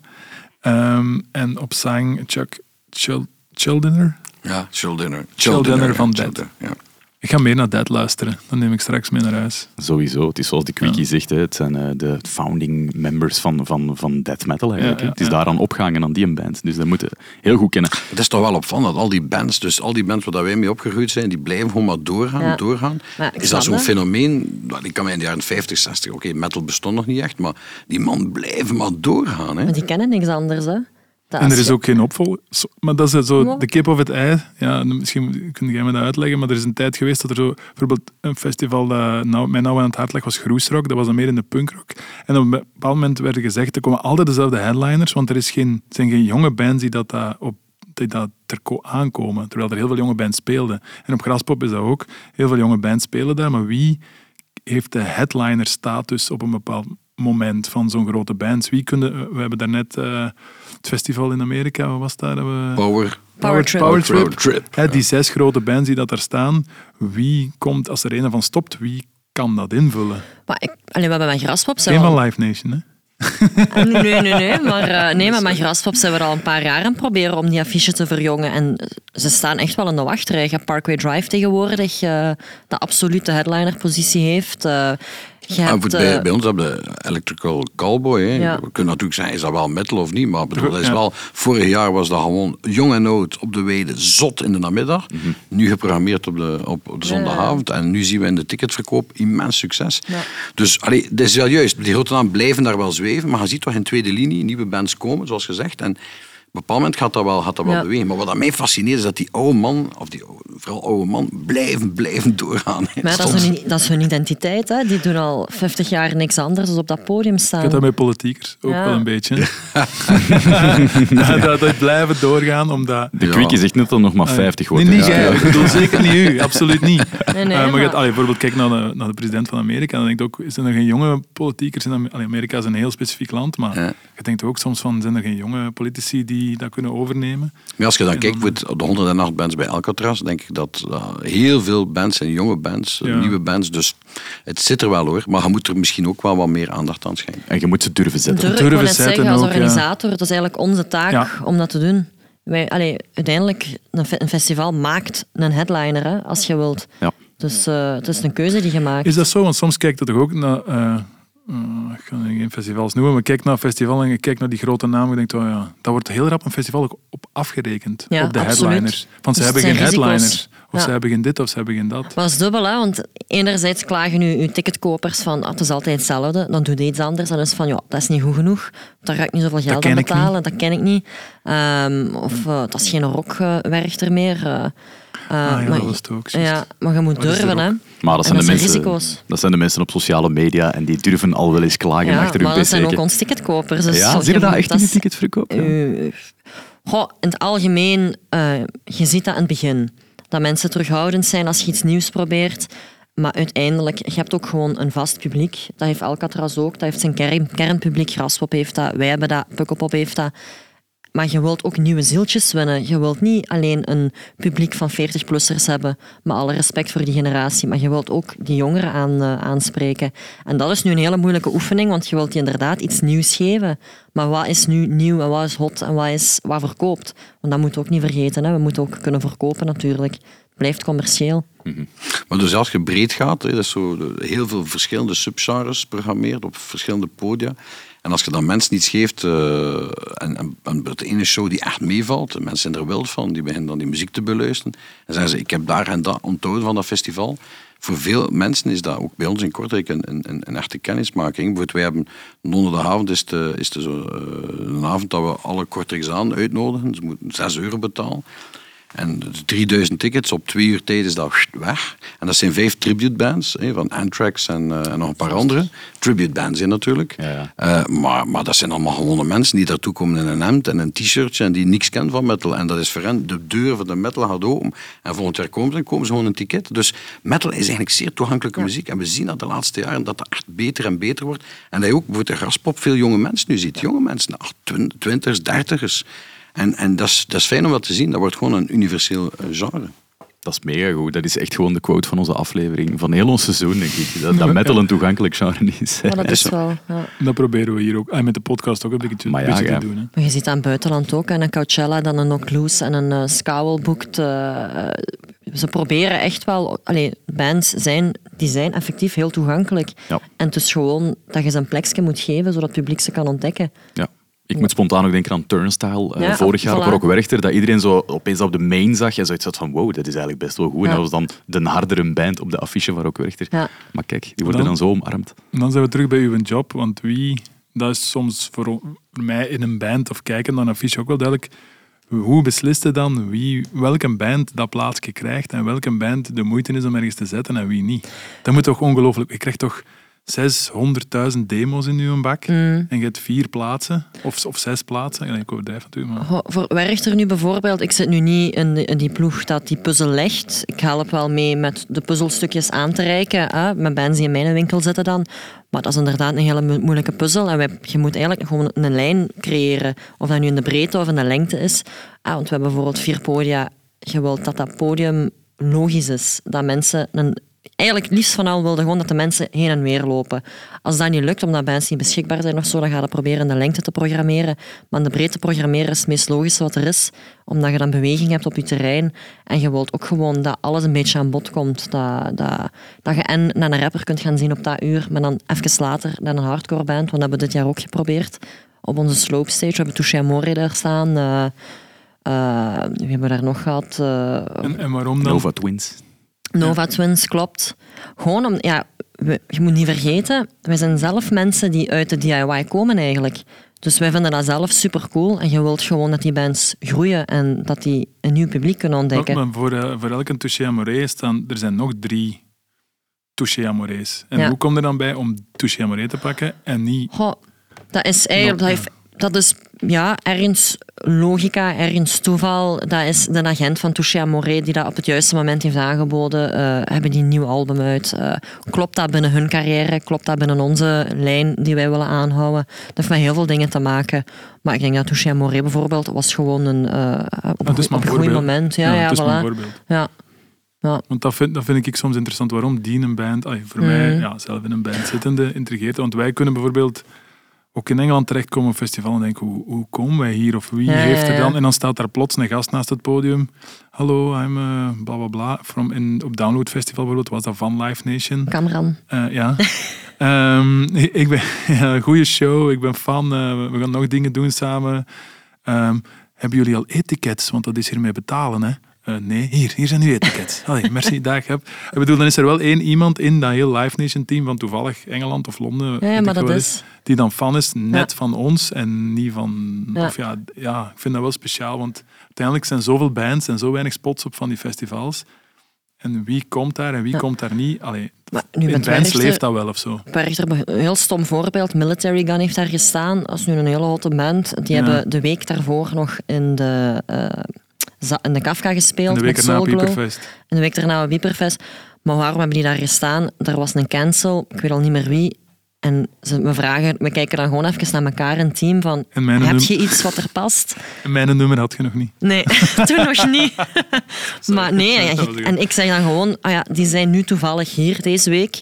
Eh, dat is super relevant Ja, ja, ja. op het moment. Eh, dat is een hype. We gaan daarvoor. Het is niet allemaal super berekend. Nee, niet. totaal niet. Nee.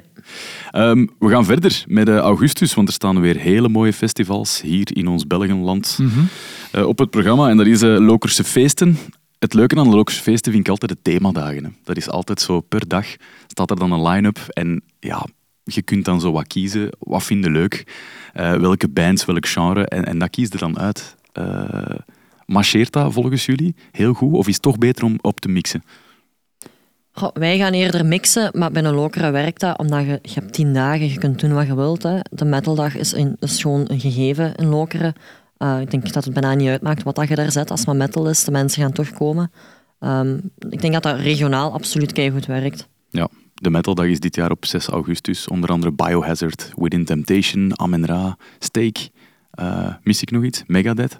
Psychonaut. Psychonaut, ja, ik sta er zo. Ja, de- de- ja, ja, er is ook een Club Subru, inderdaad. We staan in die Club Subru, dat is zo het, het darker stage. Eh, ik vind dat wel tof dat we Ik vind dat wel cool van, aan Lokeren ook, aan Lokerse feesten, dat ze ook de Belgische bands echt wel een, plek geven. Ja. En die ook laten doorgroeien of zo. Wij hebben bij wij- ik denk dat we vorig jaar een tourshirt hebben geprint alleen voor de Lokerse feesten, met vier data op, omdat we er vier keer hebben gespeeld. Eh, twee keer in, in, in die club. En van, van 2016 of zo, ik weet de data niet meer, 2015 en zo, jaar na jaar. Maar ze, ze geloven ook in de jonge bands of zo in België en ze blijven die ook volgen. En dan krijgen we de kans om de mainstage te spelen. En dan nog eens op de mainstage. Nee, eerst als opener en dan nog een, een, een, echte spot op de mainstage, als ik zo, als zo moet zeggen. En dat vind ik altijd wel cool aan Lokeren. Dat ze ook wel Belgische bands... elke festival in België doet dat eigenlijk wel een beetje. Maar Lokeren, dat hebben we dat zelf ook wel gevoeld dat dat wel heel cool is. De bands die ik er dit jaar wil uithalen, heb ik gezegd, hè, Steak. Megadeth speelt er ook. Ah, ik zou graag Dave Mustaine wel bij zien eigenlijk. Ja, met Dirk Verbeuren, Belgische drummer. Ja. Antwerpenaar. Moeten we hier ook een keer hebben. Ah, is, is, eh, is dat Antwerpse droom? Ja, ja. Nu, de, de Megadeth is natuurlijk de band die allemaal draait rond Dave Mustaine. Ja. Intussen zou je al 30 crewleden eh versleten hebben, 30 eh, bassisten, gitaristen. Ja, maar die gast. onwaarschijnlijk. Maar wat dat wel goed is aan Megadeth, en hij is natuurlijk ooit eh, gitarist geweest bij Metallica, zoals Mhm. iedereen weet, is dat hij wel zijn genre echt trouw blijft en dat elke plaat gewoon voortbouwen is op de speed die hij altijd heeft gehad. En Ja. Veel mensen lachen met die type. En het is natuurlijk waarschijnlijk een hele kwast en zo, als je die ziet. Hè. Maar gewoon de, de, de- die laatste cd, de Dying, The Sick en de Dead, of de, een van die toestanden. Ik ga ermee gaan joggen gewoon. Ik vind dat gewoon ongelooflijk goede muziek. En de mensen die me dan roepen en schreeuwen terwijl ik aan het lopen ben. maar ik vind dat, dat is gewoon... En dat vind ik zo jammer wordt aan een band als Metallica. Dat ging echt goed, keigoed tot de Black eh, Album. En dan is dat gewoon naar beneden gaan. En nu proberen ze opnieuw met die laatste cd. En ik probeer dan te zeggen, oké, we hebben snelheid, maar je voelt het pakt niet meer. Sorry dat ik het moet zeggen, het pakt niet meer. Hè. Dus allee, ik vind dat nog altijd goede muziek. Hè. Maar ja, Kill 'Em All, bedoel, niks gaat boven Kill. Terwijl dat bij Megadeth hebben ze die constante. En, Ja. en, en, en ik heb ze gezien, eh, Megadeth, op de Lokerse feesten, vier, vijf jaar geleden. Ik ben Ja. kwijt. Het was echt mijn droom om die man ooit een keer in Kortrijk te zien spelen. Echt waar. Dan ga ik met die man een keer uit in de stad in Kortrijk. die in Dave Mustaine met zijn toter zo. Hè.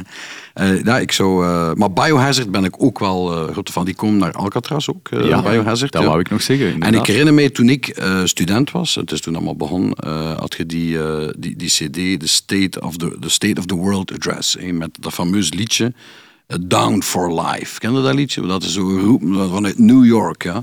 Nu, die band is blijkbaar terug in originele bezetting nu. Hè. Ja. En ik heb gehoord dat eh, op een bepaald moment zijn ze van Roadrunner gegaan naar Warner. En bij Warner is de policy dat je wordt massaal met voorschot betaald. Met al dat geld opgedaan. En zijn vrouw was pornoactrice. Hij is dan pornoacteur geworden. Dat is dan Ja, waarschijnlijk. Maar dus die zijn terug in originele bezetting. Ja. En ik vind dat zo down for life. Zullen we het even opzetten, Down for. Life? Fenomenaal. Zo like in New York, dat iedereen samen zit.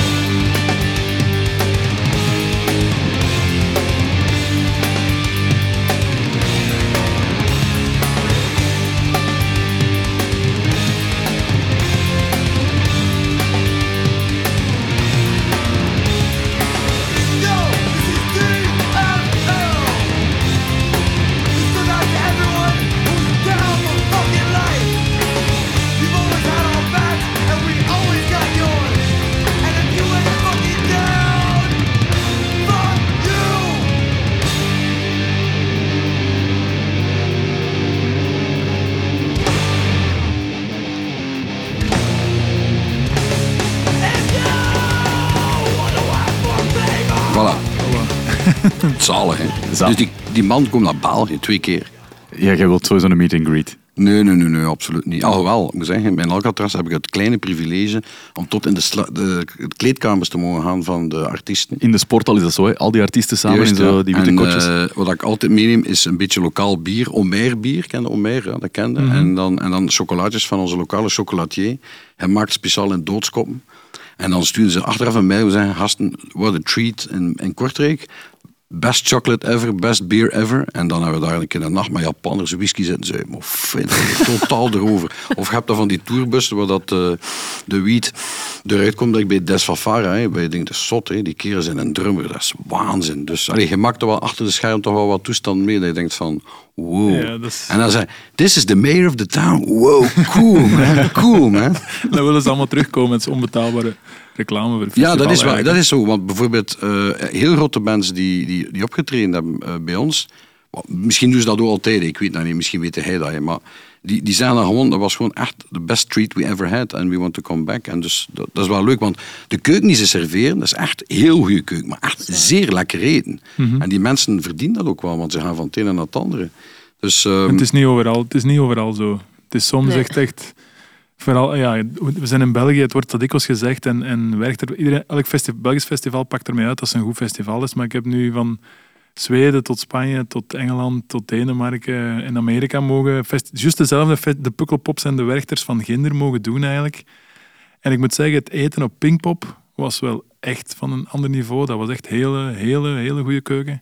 Eh, maar voor de rest was het allemaal minder dan in Ah, België. spreek me iets allemaal af. minder. Spreek iets af. Ik nodig jullie uit naar Alcatraz. De meeste zijn er al, sommigen kunnen komen. En we gaan smiddags een keer gaan eten, maar lekker eten. Zien dat zijn.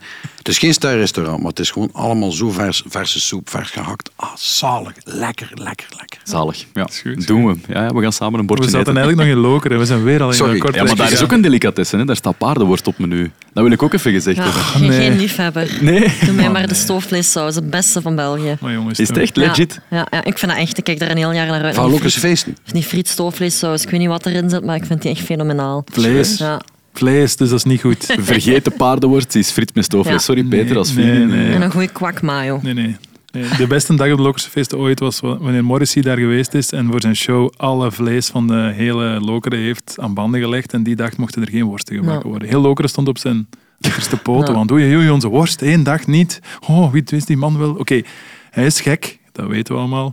Maar ik vond dat toch een Ik heb chique dat niet gehoord. De enige keer dat Morrissey zijn show niet heeft kunnen cancelen was omdat zijn mama naar de show kwam. Dus dat durfde hem niet.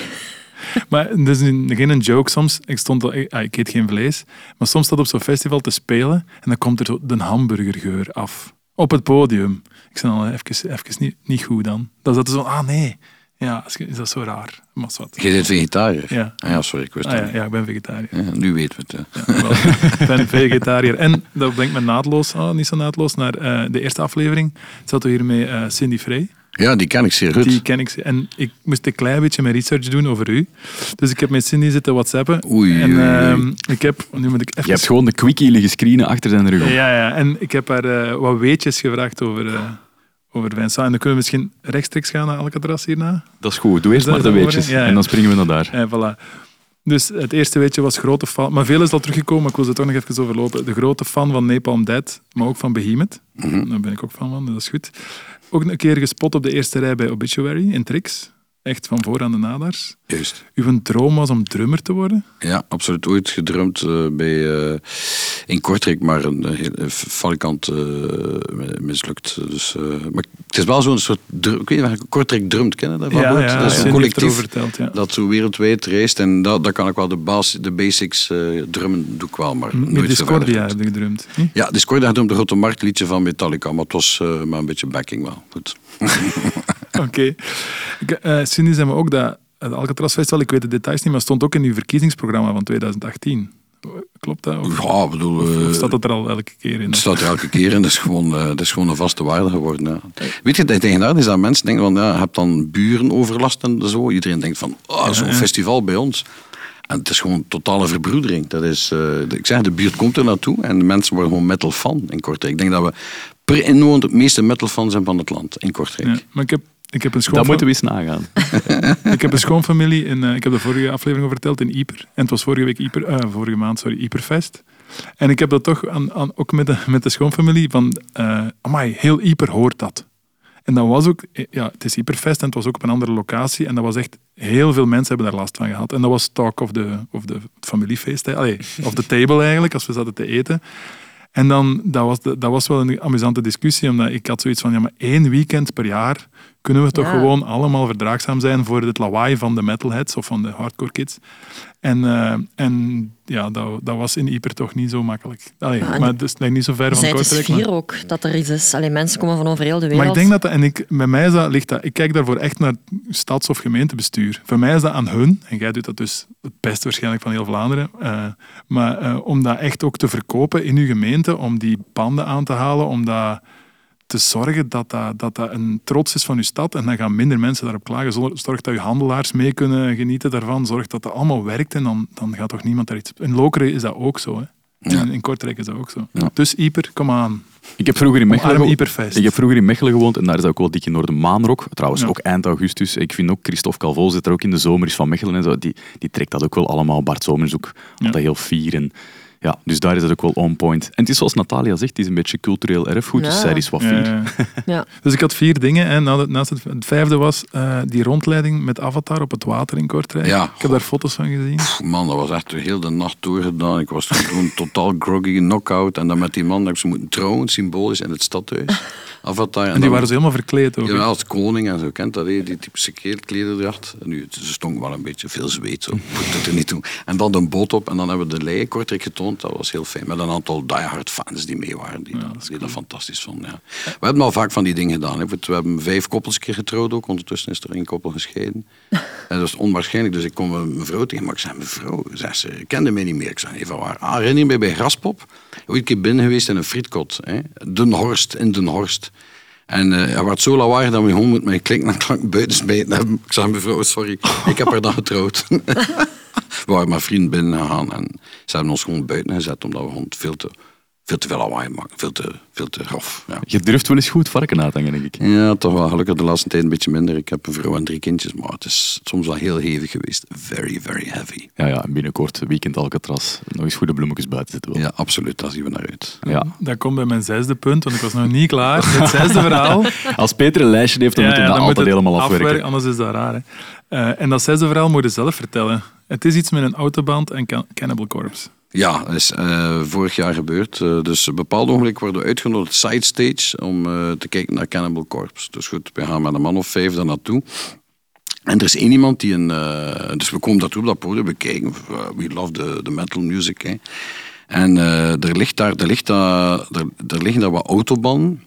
En, en ja, plotseling heeft er één iemand die autoband in zijn hand gewoon. Dat we een beetje leuk te maken. Niemand gaat in die autoband gaan zitten. Totdat er plotseling iemand zegt, we gaan dat anders doen. En die pakt die band gewoon en die, die duwt die band van side gewoon op dat podium. Terwijl de band aan het spelen Terwijl de man aan het spelen, die, die, die, die, die band loopt daar klak tegen, de, tegen eh, een van die voetstukken van de, van de gitaar. En die pedalboards. Pedalboards, ja. En, en die man nu heel die muziek stilgelegd dan al. Dan komt een van die crew komt naar, komt naar, naar ons en hij haalt mij eruit en hij pakt mij vast en zegt, jij hebt dat gedaan. Ik zei, wow, ik, heb dat niet, ik had dat niet gedaan.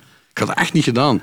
En dan is er wel iemand opgestaan van, nee, ik ben het geweest. En dat was eh, Frankie. De Smet van Damme. Ja. De, zanger, de zanger van Channel Zero. Het zijn er zeer die dat gewoon gedaan heeft. Jongens, een maand toch. En dus hebben we uiteindelijk wel de draad erop genomen. Maar dat was niet onze beste keer, eerlijk gezegd. En niet van het podium gesmeten? Of wel? Maar dat moet vert, eh, vertrekken, uiteraard. die crew was echt heel... Ik kan me inbeelden dat je zo'n Ja. show verstoort, dat de crew wel heel... eh, Ja, en het was nogthans is. sympathiek bedoeld. ja, van een autoband op het podium rollen. Maar ik ben blij, want dat verhaal leefde zo bikke. En, en, dat- en dat, eh, dat wordt zo doorverteld en doorverteld dat het nu eens van iemand was die er echt was. Dat Frankie de Smet van Damme de de autoband eh, op het podium heeft gerold. Bij, Ja, hij is nog altijd welkom, want nu draait hij onder Turbo.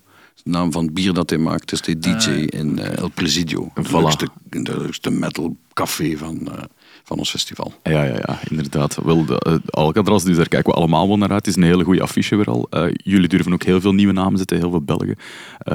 En dan Brutus en Psychonaut, we staan er ook op zondag. op hetzelfde eh, podium. 13 augustus, ja, dat klopt. Ik Kijk er wel echt naar uit. Dat is Kom, wel- kom ja. te zien. Uiteraard. Ja? Zeker. Niet met herkend. autoband. Ah ja, jij doet Nee, dat. nee, nee. nee, Frankie niet meebrengen met zijn autoband. Nee, nee, nee. Maar eh, Ik denk nee, dat we on- on- onze, onze Rodi hier ook wel niet mee zou kunnen lachen. Ja, dat kan ik me voorstellen. We gaan zeer braaf zijn. Katholiek, op de knietjes. Nee, no, dat moet ook niet. Maar, maar ik wil wel, Alcatraz, eh eh, doen mij ook- we zijn nu naadloos, eh, niet zo naadloos, maar met een hele lange We zijn al even bezig over Alcatraz. bij Alcatraz ondertussen. aangekomen. En eh voor Brutus, ja, de lockdown en corona en al, heeft allemaal heel veel impact gehad op, op de muziekindustrie. Maar de eerste show, en we hebben een paar shows gespeeld met Brutus die eh, zittend waren of eh, in andere omstandigheden en zo. Maar de eerste keer, en dat zul je ook nog wel weten, dat het terug zonder maskers mocht. Een festival zonder maskers. Dat was ook ons eerste festival, dat was Alcatraz in, hoe is dat, 21? 2021 augustus. 2021. En dat was die vrijdag dat de maskers af mochten, denk ik. Dat je dat toekwam en je kreeg een stempel. En vanaf dan waren de gekleerd en mochten terug. de- Iedereen liep op die wei zonder masker. Dat was, dat was crazy. En die show die we toen gespeeld hebben, dat was redelijk vroeg in de middag, vijf uur of zo. Dat zal voor ons altijd in de top drie shows ooit staan, denk ik. Eh, niet per se... we zijn niet echt een metalband, maar dat volk was zo warm. Die energie die vanuit die tent kwam, dat heb ik nog nooit meegemaakt. Dat was echt een van de speciaalste shows die we ooit hebben gespeeld. Die eerste Alcatraz na de pandemie, zonder mondmaskers. Dat, die, en dat was niet door ons eigenlijk. Dat was vooral door de mensen, door de mensen die er stonden. Die hebben echt... Klein, klein detail, op een bepaald ogenblik eh, beslisten we toen in het overlegcomité waar de ministers samen zitten om bepaald te zeggen, oké, vanaf dan mag het weer. En men had die datum geplaatst, midden augustus, 15 augustus. En ik zei tegen Alexander de Kook, zei, midden augustus, ik zei, Alcatraz begint 13 augustus. Kunnen we die datum niet gewoon twee dagen vroeger doen, want vrijdag is de start van het weekend. En dan 4, 5 en 6 en uiteindelijk hebben we gezegd, oké, niet 15, maar 13 augustus. En dat was speciaal voor Alcatraz. Fantastisch. En dus de vrijdag zelf inderdaad, toen eh, de gates are open. Ja. Ja. het was tof, ja. ik herinner me, dat was, het was echt... eh, Fantastisch.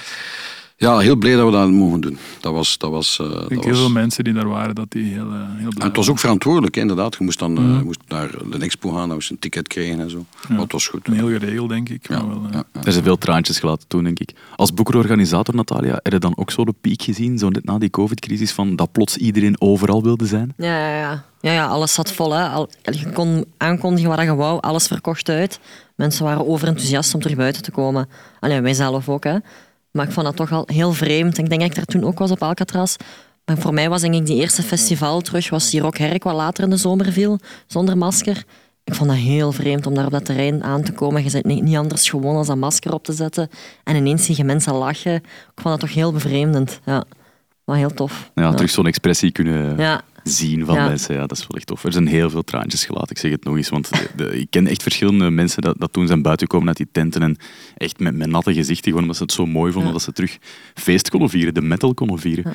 Ehm, als je nu al heel de tijd aan het luisteren bent en denkt van zeg, maar we zijn hier over Alcatraz bezig, maar die wedstrijd, hoe zat het daar eigenlijk mee? We gaan de winnaar bekendmaken, want jullie hadden eigenlijk eh, heel de maand de tijd om een antwoord in te sturen naar onze mailadres zwareklap.vrt.be en we hadden ook een wedstrijdvraag gesteld, namelijk hoe heet het eh, podium, het derde podium dat er is bijgekomen in 2019 en waar toen hoofdzakelijk Belgische bands worden, werden geprogrammeerd. Eh, het juiste antwoord is La Morgue Stage. Dat is eigenlijk zo de wit-rode circustent.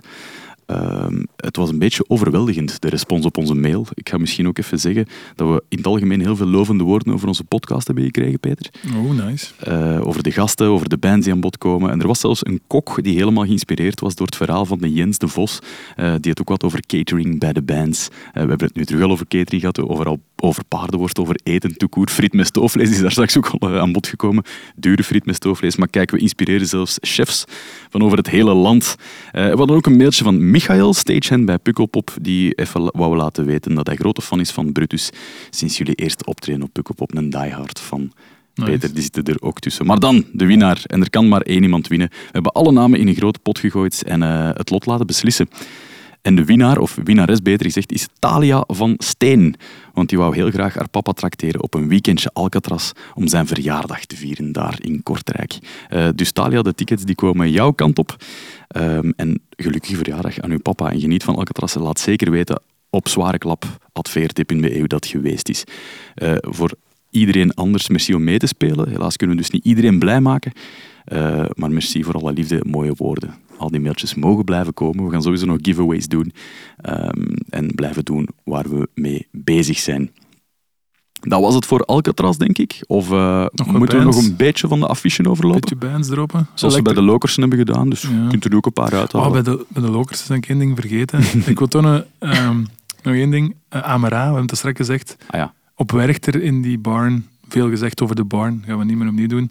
Eh, maar ook dat Lokeren weer al Amara van boven zet.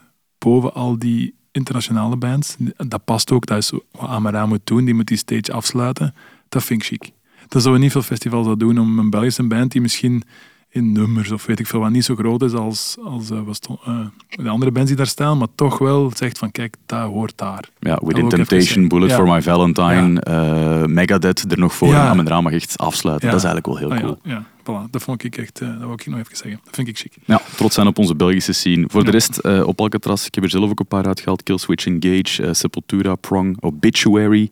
Dat is voor u ook nog gewoon een belangrijke band, denk ik. Ja, Quickie? ja, absoluut. Ja, ja. Ze zijn in Brussel geweest hè, dit jaar al. In, ik heb ze gezien in de AB. Ook een nogal legendarisch avondje uit. Dus op een bepaald moment na de show gaan we naar de band en gaan even ik trakteer. We gaan nog iets gaan eten bij de Japanner hier. En eh, de drummer, eigenlijk, de, de man, eh, zijn twee broers, hè, Tardy Brothers. Hè, de drummer is, een van de, is eigenlijk de, de, chef van heel het spel. Die zegt, ik ga mee. Hebben een legendarische sake-proeving gedaan in dat restaurant. Het was, eh, het was eh, vrij pittig. eh. en ze zijn nu terug, inderdaad, in Kortrijk. Eh, ze spelen denk ik op zaterdag, als ik mij niet vergis.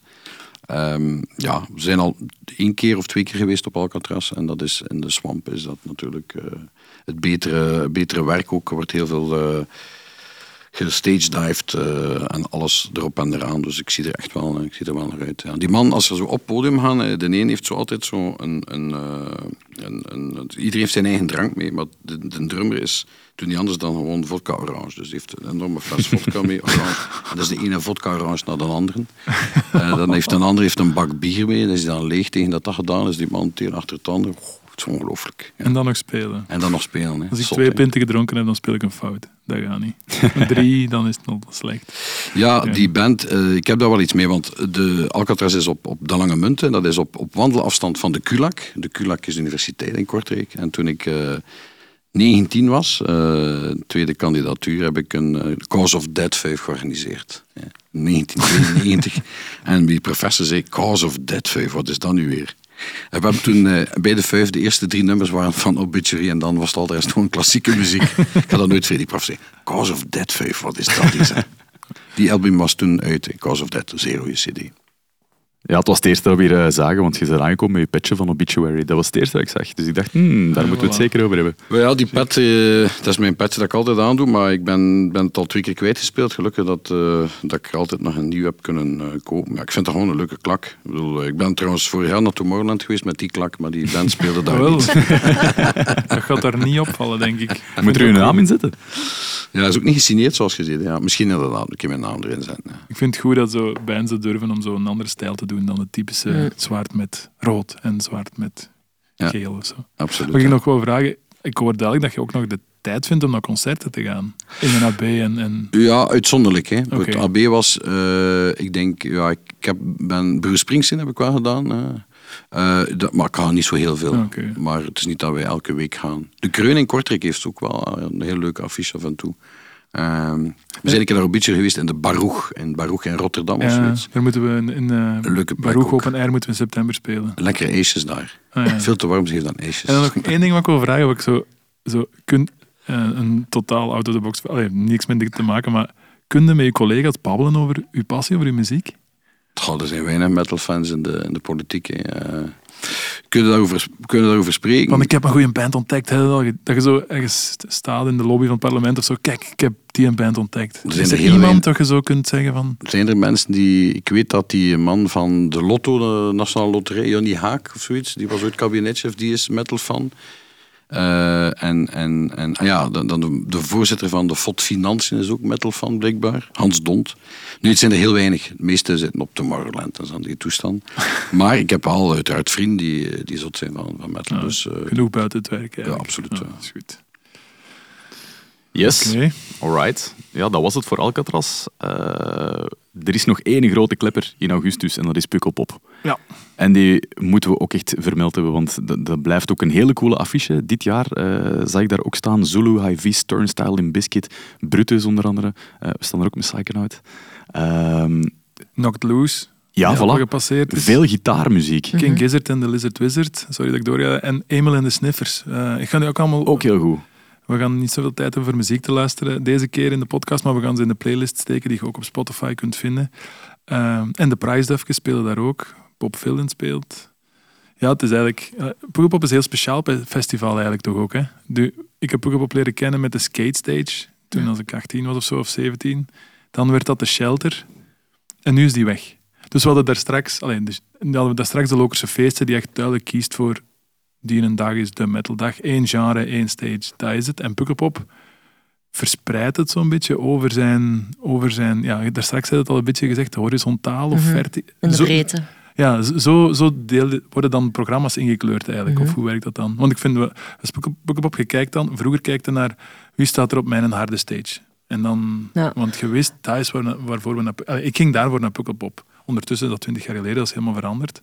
Maar ik denk, als je nu naar Pukkelpop kijkt, je hebt het in een backyard stage en daar wordt dat wel relatief goed Ja, maar gecentraliseerd. het is te- het is te klein. Hè.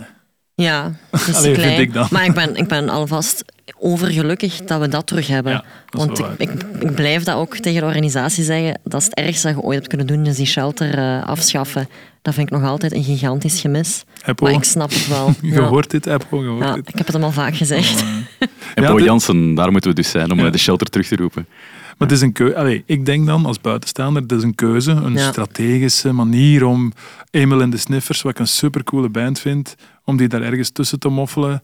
Wij staan ook met Brutus vlak voor eh, Boy Genius, denk ik. Waar eigenlijk, Oh, cool. ja, ja, dat is zo echt, het wordt zo echt zo ge- Ja. ertussen gesmeten. Ehm, Maar ik denk ook, muziekliefhebbers zijn zelf ook niet meer zo rechtlijnig als vroeger. Ah, ik, ga ook evenzeer naar een Boy Genius kijken als even later naar Stick Your Guns. Dat, de muziekliefhebber is zelf aan het schommelen nu tussen alle genres. Dus ik denk dat je ook op die, in dat opzicht moet programmeren. ja. Hoe werkt dat eigenlijk, zo programmeren? Want je begint met Scratch, een wit blad. Hoe bouwde dat eigenlijk op? Je begint altijd van boven. Eh, je kunt wel wat opties zetten, maar ja, liefst van al heb je een headliner voordat je naar beneden gaat werken. Eh, omdat dat ook wel een beetje de toon zet. Ah, want je gaat een heel ander programma hebben als je Metallica krijgt aangeboden of je krijgt, eh, ik zeg maar iets, Pink aangeboden. Dan gaat het heel anders werken. Dus je begint van boven en dan is het eh, puur kijken naar wat, wat is er dan, wat wordt er mij aangeboden. eh, en zo werkt je dan naar beneden toe en vult je je podia op. Ja, en mij aangeboden, ehm, ik, ik, neem aan dat er heel veel management en zo tussen zit. Ja. Bands die dat niet hebben, een boeker of een management, Moeilijk. ja, voilà, dat ik vragen. Moeten die de hoop opgeven? En, en, want ik kan mij voorstellen dat je ook wel duizenden mailtjes binnenkrijgt van, van Ja. kleinere bands die dat er ook heel graag eens willen spelen. Ja, maar ja, dat is inderdaad heel moeilijk. En wij zijn ook niet het festival om met dat soort, allee, om dat soort bandjes eh, een plek te bieden. Dat, dat, je moet ergens anders beginnen om hier te geraken. Allee, dat, is, dat, is nu niet, dat, is gewoon, dat is nu eenmaal zo. Ja, ja, Rock Werchter dat is is niet streng anders. bedoeld of zo, maar je, Nee, je wilt gewoon zeggen bouwen aan je weg en Ja, zo. Rock Werchter is al, als je al een carrière hebt. En er zijn genoeg andere festivals waar je die carrière begint te bouwen. Zalig, ja. Klinkt logisch. Ah, En, ja. en wat bedoelde dan als zo Pink of Metallica? Ga je dan zeggen om counterweight te zoeken? Als, als het eerst Pink is, ga je dan proberen om zwaardere subnamen te zoeken? Of, of ga je dan die lijn wat meer doortrekken? Nee, maar dan, je wilt ook wel gewoon mensen die, voor ticket, die een ticket kopen voor Pink, dat die ook wel wat andere dingen te, te zien hebben die dag. Eh, dus dat je wat andere poppy acts gaat zoeken of vrouwelijke artiesten eh, om, eh, om gewoon een deftig programma te bieden voor een Pink-fan. Maar inderdaad, dan gaan we tegelijkertijd ook dat tegengewicht zoeken op andere podia, door daar wat zwaarder of donkerder te programmeren. En dat er voor iedereen wat is. En moet er zo soms gestemd worden? Zitten zo rond een grote tafel met twintig man bijvoorbeeld? en Nee, dat is, dat is, dat is nee. een, een klein comité, denk ik, eh, dat die puzzel legt. Ja. Wel, wel een belangrijke job eigenlijk. Hè? Ik vind dat ook. dat festival hangt af van die namen en die paar mensen Maar ja, moet- zetten die namen daar. Ergens ja, maar aan de andere kant, uiteindelijk, als je naar andere festivals in Europa kijkt, allee, elk festival dat een beetje op de rangorde van Rock Werchter zit, heeft bijna dezelfde headliners. Dus op zich is het niet super moeilijk. Het is daaronderin dat het moeilijker wordt. Ja, dat is waar. Maar toch, ja, we hebben het daar ook al over gehad, hè, dat we een keer al die buitenlandse Europese metalfestivals overlopen en er waren heel veel dezelfde bands die dan op tour zijn en die komen terug. En ik merkte ook dat wij, mochten dan een stuk of vijf, zes van die festivals in de, in de vierde stage eh, de redelijk vroege slot doen. Dus we stonden als kleinste op al die affiches. Maar die andere bands, like Fever 333 bijvoorbeeld, dat is zo'n band, die stond daar bijna ook altijd. We zijn die echt zes keer tegengekomen, Ja. van, van Rock Sweden tot Download, tot Rock in Park. Dat wil zeggen dat je allebei een heel goede boekingsagent hebt. Merci Steven. Eh, maar die, dat, dat- je zit dan wel in zo'n poeletje of zo, Ja. waar dat zo dezelfde bands toch weer zo, ja, Nou, terugkomen. dus ja, zeker in de metal. Hè. Nou, Zijn er ook zo boekingsagenten eh, waar je een minder goede ervaring mee hebt. En dat, ja, hoe moet ik dat nu zeggen? Ik bedoel echt zo, is er een blacklist zo in de, mu- in de music scene? Dat je weet van, daar hebben we ooit iets mee meegemaakt, die gaat heel moeilijk Goh. nog eens op een stage komen bij ons. Dat is, eh, ik bedoelde qua muziek, qua bands of echt? Ja, ja, dat er zoiets is als een blacklist. Want dat wordt zo soms gezegd hè, van zo, ja, als je daar ooit eens het varken uithangt, dan moet je niet hopen dat je er ooit nog eens terug Ja. mocht passeren. Is Een dat een ding? autoband over het podium rolt of zo. Ik denk eh, dat elk festival wel zo één of twee namen heeft. Ja. Ik kan oprecht niet zeggen wat dat voor werk er zou zijn. Ik heb geen idee. Maar ik weet wel van een paar andere festivals dat sommigen daar absoluut niet meer welkom zijn. Maar die Marilyn Manson bijvoorbeeld, toch? dat was in Kortrijk, die was in Kortrijk, dan moest dan die kamer op 16 graden zijn en dan moest dit soort chocolade erin en dat soort Dat is water. toch normaal? Maar het was wel, allee, het was, er waren buiten, buitennissige verwachtingen. En, en, en, en dan, dan moest er dan een soort, soort bijbel daar liggen. En zo allemaal waanzinnige wakko-toestanden. Uiteindelijk hebben ze gezegd, heeft veel geld gekost en we zeggen, we gaan die nooit meer nemen. Nee, snap ik. Maar je hebt het wel gedaan. Je hebt die kamer op 16 graden gekregen. Ja, ja, dat was trouwens de, de vrouw van Matthias, Kim. eh, dus Matthias is de man van het festival en met anderen. En zijn vrouw heeft dat dan allemaal geregeld. En dan moest dan poh, inkopen gaan doen. En eh, dan moest een bepaalde sfeer hangen ook. Jongens, toch waanzin. Ja. Ik kan eerlijk zeggen dat wij daar niet aan meedoen. Nee, Ah, nee. wij gaan proberen echt wel een, een discussie te gaan van dat gaan we niet doen, dat gaan we niet doen, dat kunnen krijgen. Die wijn kan ook goedkoper. Maar dat was, dat was de, bij mij weten is dat echt een ene. En al de rest is ook ja, ja, ja. verlanglistjes van drank en zo. Ja. Dat wel. Maar zo echt een kamer met bepaald licht. Ja. En, pff, Oh nee. Blijkbaar was er, ik was in Spanje op een festival en dan speelde Slipknot en Papa Roach. En er was in de backstage een gevecht, niet een fysiek gevecht, maar over de douches. Of dat die nu, hoeveel douchecabines er gereserveerd werden voor Slipknot en hoeveel voor ehm, eh, Papa Roach. Ja. En dan de driver van ons busje, die ons naar het hotel moest doen, was aan het vertellen dat dat echt heel de dag... Dus de, een van de mensen in dat busje was ook degene die dat moest regelen, de artiest Ja. liaison. Ehm, en die had heel rotte dagen achter de rug, want dat was heel de dag wie had de dikste Ja. Piet en wie kreeg de meeste eh douchecabines. Was het Slipknot of Ja. was het... En Slipknot won because they were bigger. Ja. Ja, ik heb ooit mijn duurste foutje dat ik ooit in mijn carrière heb gemaakt, was ook zoiets, eh, ik weet al niet meer welke bands, Blink-182 en nog iemand. Eh, ik heb ooit de fout gemaakt door per ongeluk het hele dressing room plan van de backstage te sturen naar eh, een band. Oh. En die zien dan, oh, maar die band heeft één kamer meer dan ons. Oh my god. Dus wij zijn wel de headliner. Ik weet nu niet wie wie wie was in dat verhaal. Maar dan hebben wij eh, een paar dagen voor het festival eh, nog wat containers mogen laten overkomen. Ik zal u zeggen dat dat niet goedkoop is. Wow. Ja, dat zijn dus wel Is foutjes. eh. Ja, ja, ja.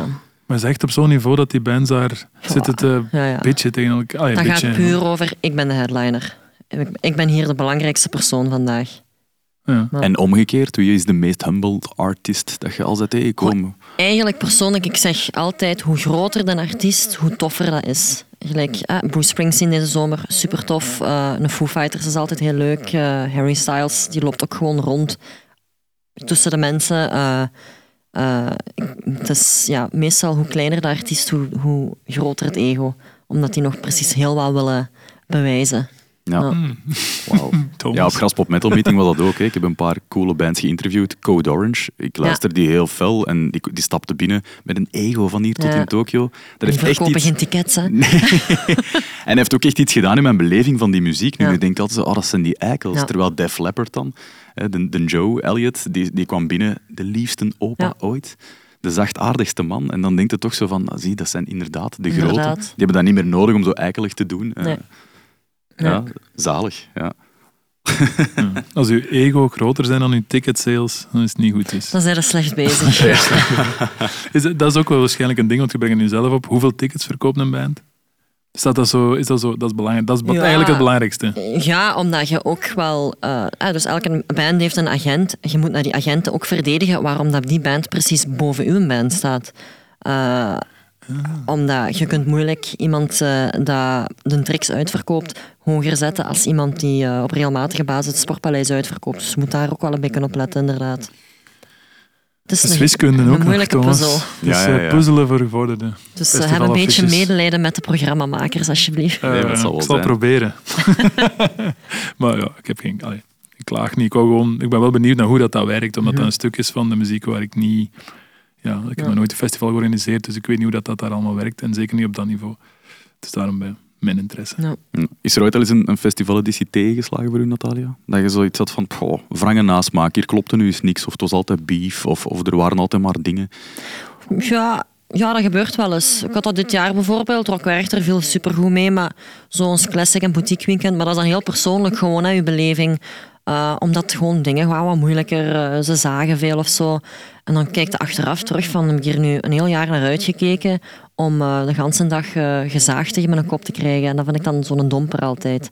Maar dat is, dat is heel persoonlijk, want voor een andere collega was dat dan het beste weekend van het jaar. En, maar ja, dat gebeurt wel helaas. Ja. En zie je echt iets van die, van die bands als ze op het podium staan, of zijn ze eigenlijk constant Ik bezig? niet. Nee. Nee, ik heb totaal niet. Ik heb s'avonds een beetje tijd. Allee, ik maak tijd s'avonds, maar ja, mijn wereld is die een backstage op Rockwerchter, dus ik kom daar eigenlijk heel weinig buiten. Ja. Maar je vindt dat oké? Ik ben, dat, ik ben niet anders gewoon tegenwoordig. Dus, eh, dus ik probeer naar andere festivals te gaan dat ik dat wel, eh, dat ik ze wel kan zien. Ja. Ja, Hyperfest bijvoorbeeld. Ja, ook geweest, ja. Wat was de beste band op Hyperfest? No pressure. Hm. Ja. We hebben daar straks gehoord van de Quickie, die zei van ik zou heel graag Megadeth nog eens strikken op ons podium. Ik keek uit naar zo'n meet and greet met een Dave Mustaine of die zo rondleiden in Kortrijk. Is er, ja, zijn er zo nog andere bands dat je heel graag eens in Kortrijk wilt halen? Of naar Kortrijk halen, beter gezegd? Nee, behalve dan die, die, die wereldbands, maar dan krijg het toch nooit in Kortrijk. Alleen Metallica en zo zat er uit je hoofd, dat, dat lukt toch gewoon niet. Dus eh, nee, nee, absoluut niet. Ik vind, eh, ik vind de keuze om niet te werken met heel grote headliners, maar wel maar breed te gaan en zo, dat dat een goede keuze is. Heel veel verschillende genres. Mensen kunnen proeven, smaken. eh, het is zoals heel veel ijsjes eten. Dus dat vind, ik vind dat heel leuk. Eh, en ook dat je nu alle subgenres hebt. Maar Megadeth, ja, dat, dat is iets wat ik voor ieder jaar probeer te vragen aan Matt. te staan. Hij probeert nog een keer, doe nog een keer. Ja, nu staan ze op Lokerse feest, dus het lukt niet bij ons. Ja. ja. Natalia, voor, voor, wie is, eh, of wie is voor u die band die dat je heel graag nog eens zou ontmoeten, dat je zegt van die staan nog op mijn lijstje, bucketlist materiaal? Oh, nu vraagde mij iets. Ik heb, ja, ik heb wel heel veel gezien. Ja. Hè. Eh, ik kan u niet zeggen eh, wat nu echt de band is dat ik nog moet zien. Ik denk dat, ik, eh, dat mijn bucketlijst al eh, heel hard is aangetikt. Eh, misschien het enige dat ik nog kan bedenken, ik ben vroeger heel groot de, de Who-fan geweest. Dat is iets, ja, dat ga ik denk ik niet ooit nog live zien. Het zal zeker niet zo goed zijn als dat vroeger was. Maar voor de rest, ehm, gewoon niet direct eigenlijk. Ik heb alles kunnen zien tot nu toe wat ik wou zien. Wauw, Ja, ja, dat is dat ook is wel zalig om te kunnen zeggen, denk Ja, ik. Ja, Maar ja, ik ben jaloers op de Foo Fighters vooral, die hebben daar net gedropt. ja. Dave Grohl is een van de redenen, samen met Kurt Cobain, dat ik muziek ben beginnen spelen. Ja. Hoe valt hij mee, de Dave?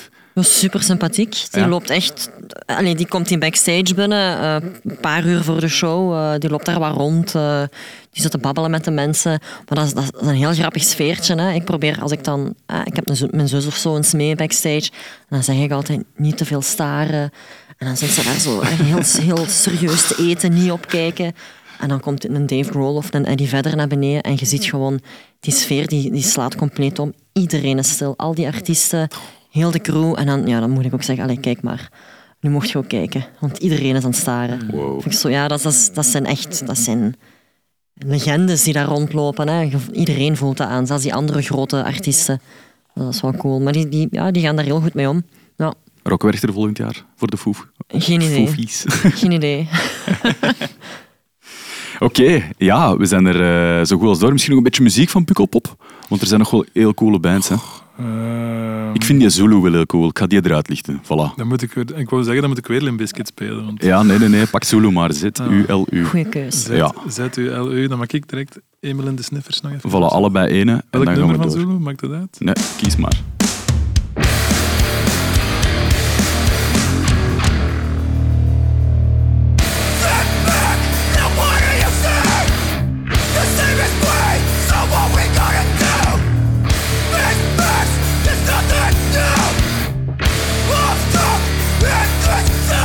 Trouble.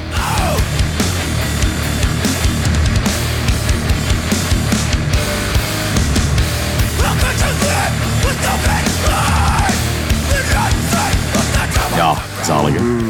Zeker op je radar zetten. Ja, ik ben blij dat je iets op mijn stal hebt gekozen. Ja, ja, ja, maar ook vaste klant in de zwaarste show op Studio Brussel. Dat is echt eh, hard, bangelijk. En nog een. Australisch. Australisch.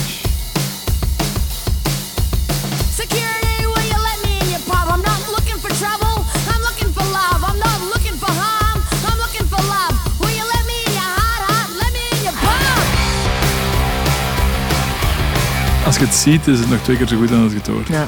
Want Emil is echt all the way, zo zot als een deur. Dat is echt een frontvrouw. Die pakt gewoon heel die tent in, gewoon door hoe dat ze is en hoe dat ze doet. En dat is gewoon echt zo. Zijn ze een keer tegengekomen op een luchthaven en je dacht, ah ja, je zegt gewoon zo.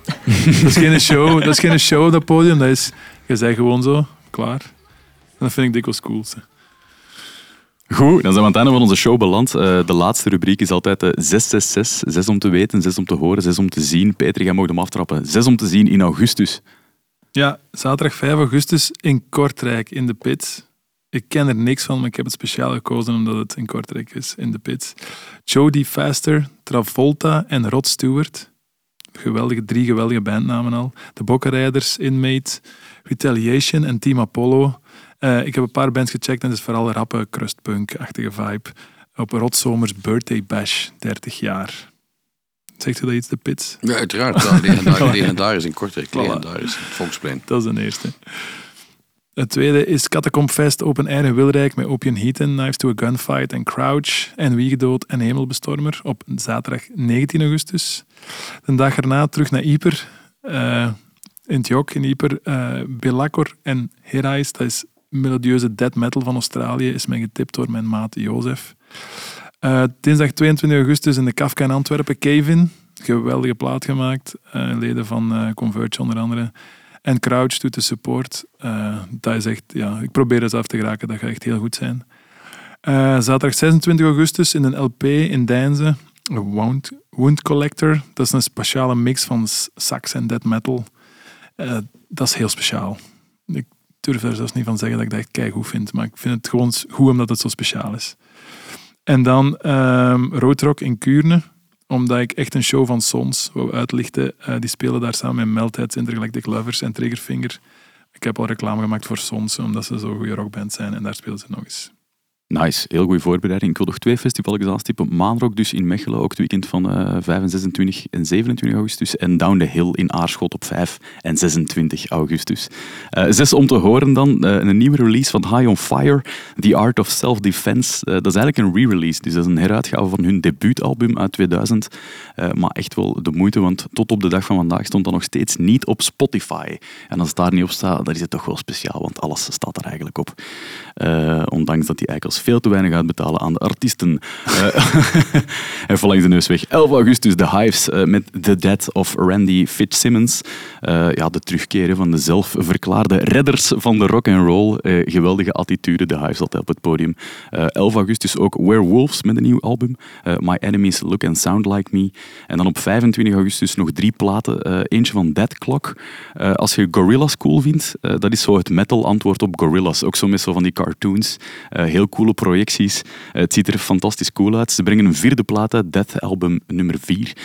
dus ook het bewijs dat tekenfilmfiguren echte face melters kunnen brengen. Eh, geweldige riffs. Super hard. Het moeilijkste nummer in eh, Guitar Hero of Ja, zoiets. eh, Sparkle Horse, nee. eh, Glitter Horse, nee. Dat is het ook niet. Thunder Horse, dat is Thunder het. Horse. Ja, voilà.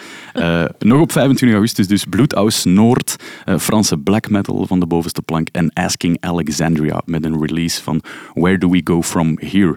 Eh, al jaren ook heel populair, eh, dankzij hun toegankelijke amazing metal.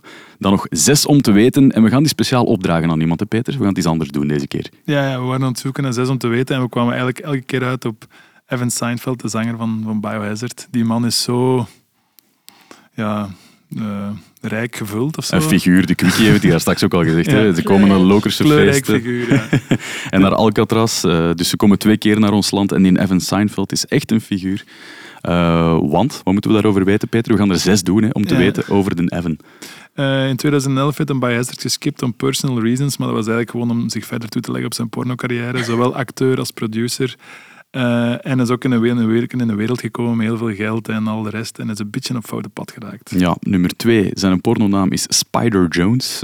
en hij was getrouwd met Tara Patrick. Voor de pornoliefhebbers. eh, het is een van de grootste pornosterren van de begin jaren 2000. Hij was getrouwd en ze zijn dan gescheiden. En dan hebben ze gezegd, we blijven wel businesspartners.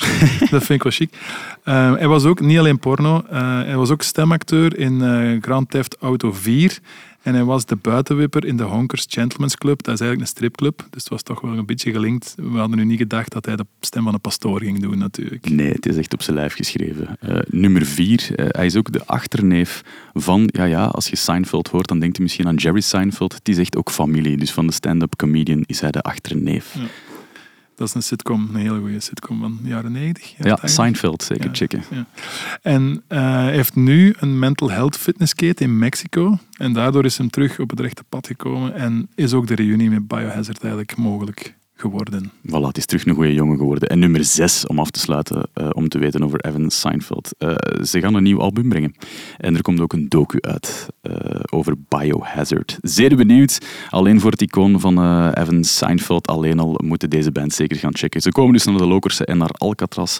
Ehm, voilà, dat was de 666. Maar er is nog één belangrijk iets. We gaan nog Happy Birthday zingen voor één belangrijk iemand. Ik kan niet zo goed zingen, maar James Hetfield wordt 60 op 3 augustus. Voilà, Gewoon een heerser. Papa Het. Papa Het. 60 jaar en zo rocken. Pff, ja. Misschien wel de grootste metalfiguur vandaag nog still alive. Mijn mening. Hoe is het met hem? Is hij terug beter? Want dat gaat altijd maar op en af. Hij is dan is gescheiden van zijn vrouw, zeker? James, staat, staat hij niet redelijk goed nu? Ik, of niet? Ja, hij is wel wat addiction-free, denk ik. Ja. Ja, Ja, maar ik er dacht- wel ups en, en downs in bij hem, toch? Als Ik denk dat het nu een up is. Ja. Zoals ik het vorig jaar zag en zoals ik het nu zeg met de nieuwe plaat en zo allemaal, hij ziet er echt goed uit. Weer zo netjes eh, haar geknipt, ja. eh, fris uit de douche. Ja, sigaartje Ready. erbij. Ready to go. Ja, zo. Ja. Dus Kan nog een paar goed. jaar verder. En hij wordt dus 60 op eh, 3 augustus. Joepie, happy birthday. Goed, dat was het voor onze Zware Klap aflevering 5, de vooruitblik naar augustus. Ik wil onze gasten bedanken. Eh, merci Quickie, merci Natalia om hier te zijn. Zijn er nog dingen die op jullie agenda staan in augustus? Ook een beetje speeltijd met de kinderen. Hè. Drie kleine kindjes thuis. Eh, ik ben benieuwd wanneer dat ik ze voor de eerste keer naar een metalfestival ga meenemen. Heel vroeg mee beginnen. Ik heb zo van die, van die hoe heet het, van die earheads. Ja, ja, ja. eh, om ze te beschermen. Misschien dat ik mijn dochter een keer ga Ja. meenemen. Zo. Ja, toch wel, het is tijd om ze te introduceren. Geef dat door via het bloed. Breng ze maar mee. Hoe oud zijn ze, Quickie? Bo is 7, Scott is 4 en Lou is 0. Ja, Dus Nul is misschien wat vroeg. Ja, maar misschien dat ik Bo en Scott een keer meeneem. Zo. Tuurlijk. Dat denk die dat dat gekke wel mensen, kan. al die gekke mensen. Ik denk dat dat wel kan. Deze zomer, Alcatraz. Ja. Ik heb mijn dochtertje al een paar keer meegepakt, zo met de headphones, dus het, het gaat wel. Ja. Ah, oké, goed. Eh, Ik ga dat, een leuk idee, ik ga dat doen. Oké, een beetje familiteit dus ook voor Quickie in augustus. Natalia, was dat er nog op uw agenda? Eh, ja sowieso eh Pukkelpop, een Lokerse feesten en hopelijk een beetje vakantie. Eindelijk. Ja, Zalig. Nou waar is de bestemming al bekend? naar Toscane. Hola, Ja. Italië. Ja. Mooi. Merci om hier aanwezig te zijn. Dit was ons maandoverzicht voor augustus. Eh, bedankt dus ook aan de gasten. Merci Peter. Have a nice month. En we zien elkaar volgende maand opnieuw. Yes. En dan zijn de festivals bijna gedaan. En dan mogen we terug over clubshows. eh, Amai. want we hebben wel twee festivalmaanden achter de rug. Ja, wel heel cool. Pittig, maar, maar heel cool. Ja. Maar die clubshows in september... Die Dan kunnen we daar terug over babbelen. Benzi op tour komen. Ik zag er al verschillende in september. Ik dacht, ja, cool. Volle, volle bak. Eh, zijn er gasten of zijn er topics die zeker eens aan bod moeten komen? Stuur het naar zwareklap.vrt.be. Laat het ons weten. Eh we staan open voor alles. Complimentjes mag ook altijd. En merci om te luisteren. Salut! Bye bye.